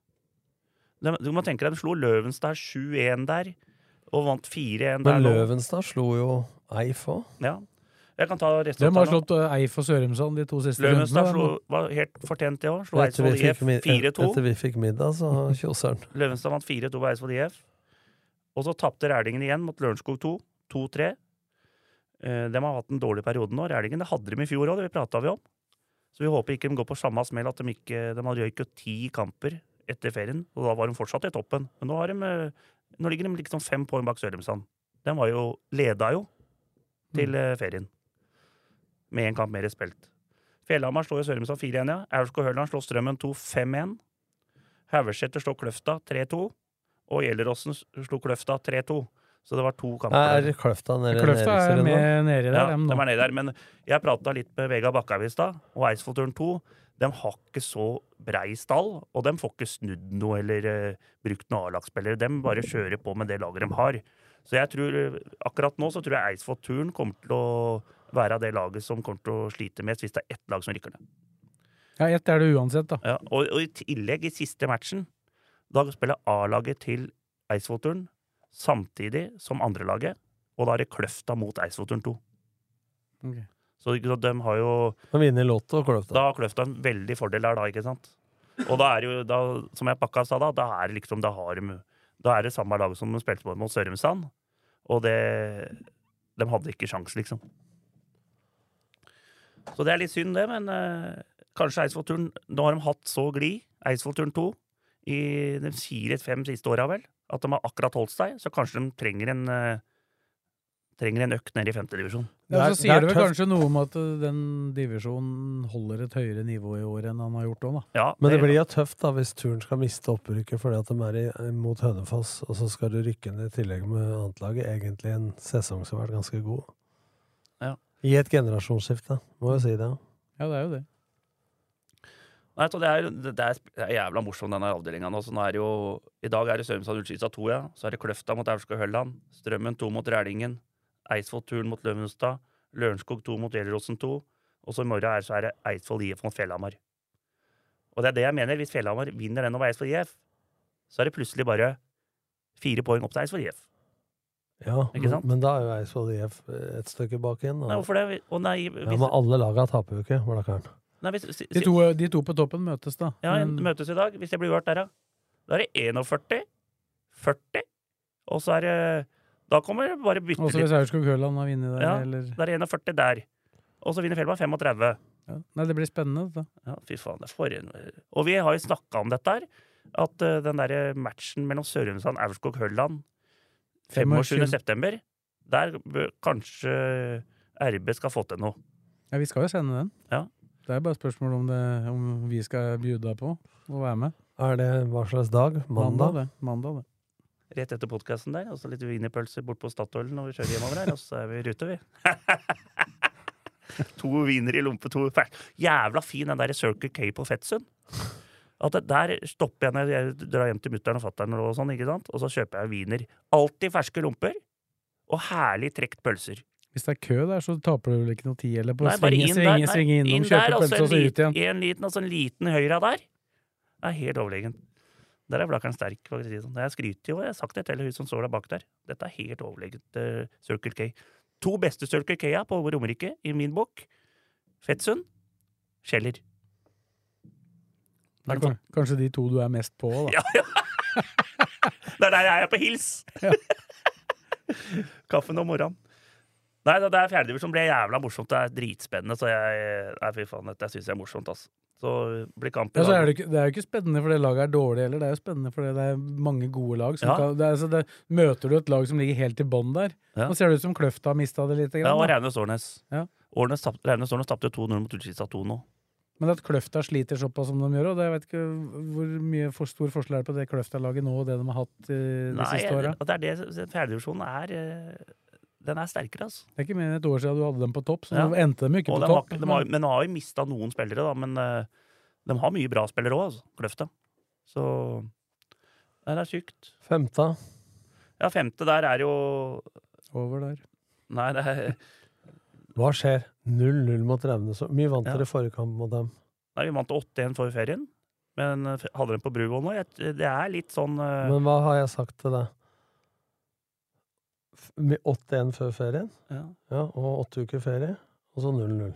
ja. Og Jeg tipper ikke at de Raunes Årnes-spillere har trent hele ferien heller. Nei, men det var, de var fornøyd etter kampen. Vi hadde en del sjanser og sånne ting, og de fikk jo rødt kort til siste tid der, og vi pressa på, men eh, vi kunne fort tapt matchen nå. Så de har en jævla god spiss som jeg ikke skjønner spiller med på A-laget. En som heter en Damstund.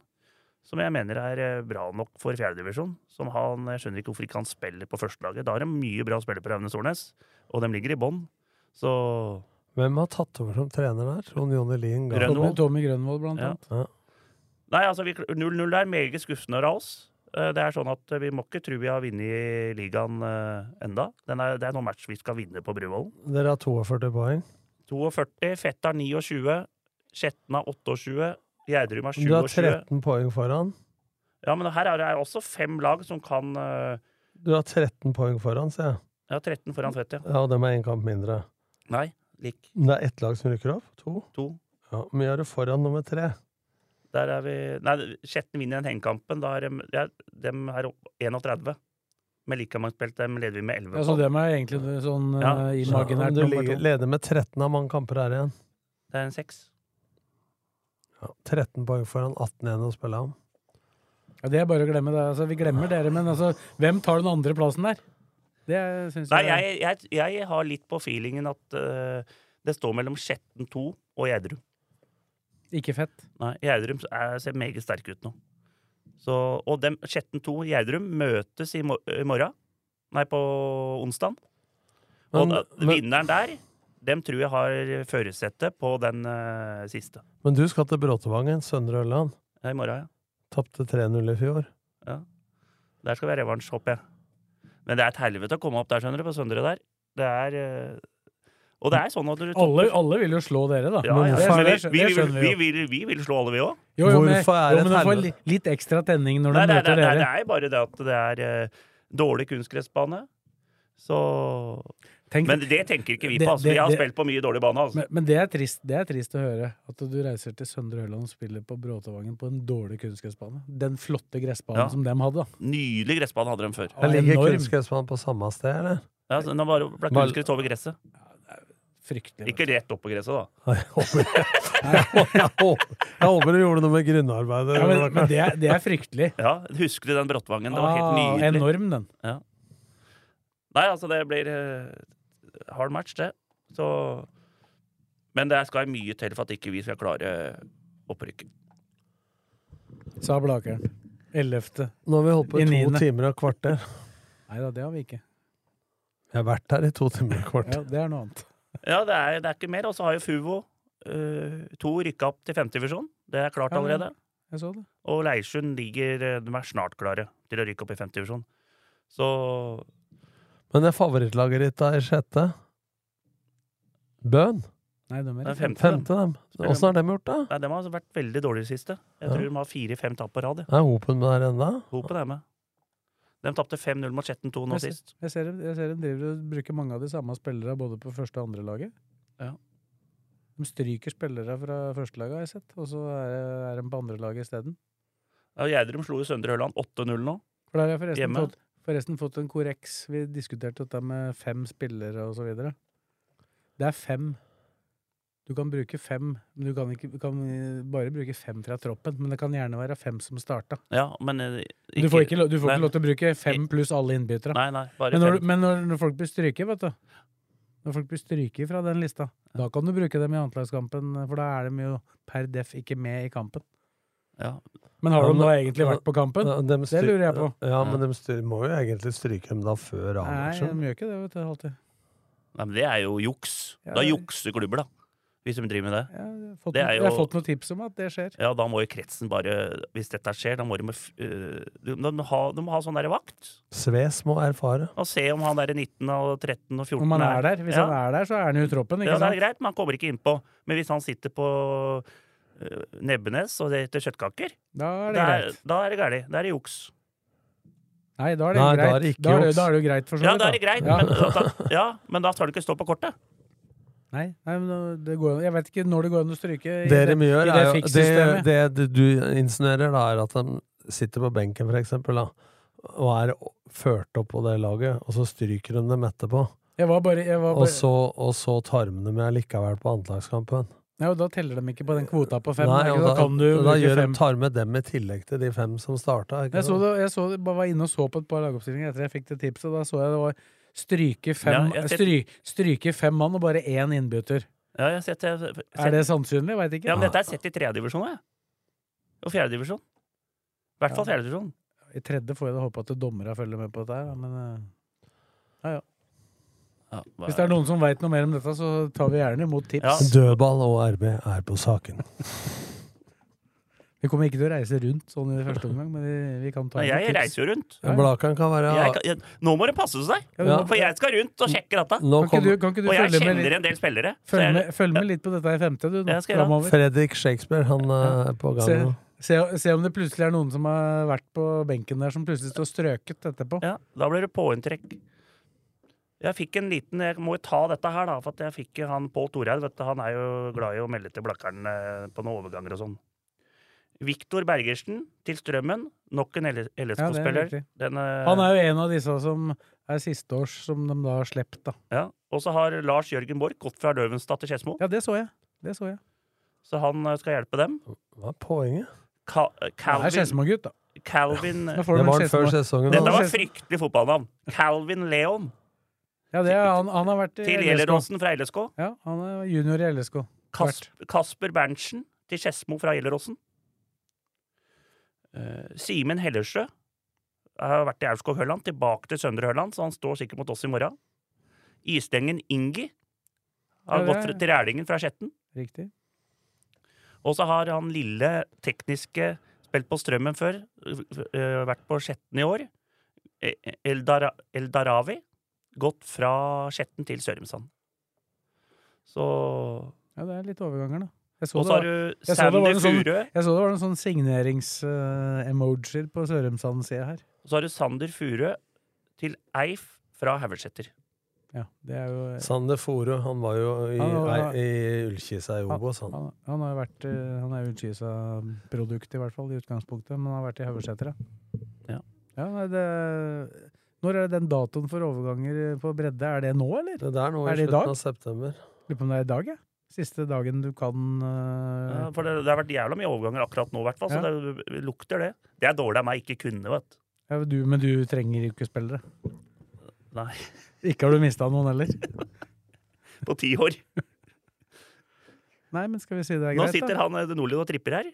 Han er klar. Jeg tenkte jeg skulle rekke familien før unga legger seg. Du, har- du har så små unger enda, du. Ja, men øh, Han er elleve, han minste, men han kan tenke deg lenge med å sitte her. Ukens annonsør er HelloFresh. HelloFresh er verdens ledende matkasseleverandør og kan være redningen i en travel hverdag. Mange av oss har nok vandret i butikken både sultne og uten en plan for middagen, som ender med at vi går for de samme kjedelige rettene gang på gang. Middag burde være dagens høydepunkt. Som HelloFresh kan du nå velge mellom 25 ulike retter hver eneste uke, eller få HelloFresh til å sette sammen menyen for deg. Dette gir deg muligheten til å prøve nye og spennende retter alene eller sammen med familien. Du velger antall porsjoner og får alt levert på døren på et tidspunkt som passer for deg. Oppskriftene er enkle, og maten er lett å lage både for store og for små. Ved å få alt levert hjem får du også mer tid til å dele matgleden med familie og venner. Kanskje det frister med asiatiske tacos eller greskinspirert kylling? Da kan jeg anbefale deg om å gå inn på hellofresh.no. Her kan du bruke koden FOTBALL og få opptil 1779 kroner i rabatt på de første fem matkastene hvis du ikke har prøvd HelloFresh tidligere. Du kan også bruke rabatten hvis du har vært kunde og stoppet abonnementet ditt for tolv måneder siden eller lengre. Gå inn på hellofresh.no og bruk koden FOTBALL. Har du et enkeltpersonforetak eller en liten bedrift? Da er du sikkert lei av å høre meg snakke om hvor enkelt det er med kvitteringer og bilag i fiken, så vi eh, gir oss her, vi. Fordi vi liker enkelt. Fiken superenkelt regnskap.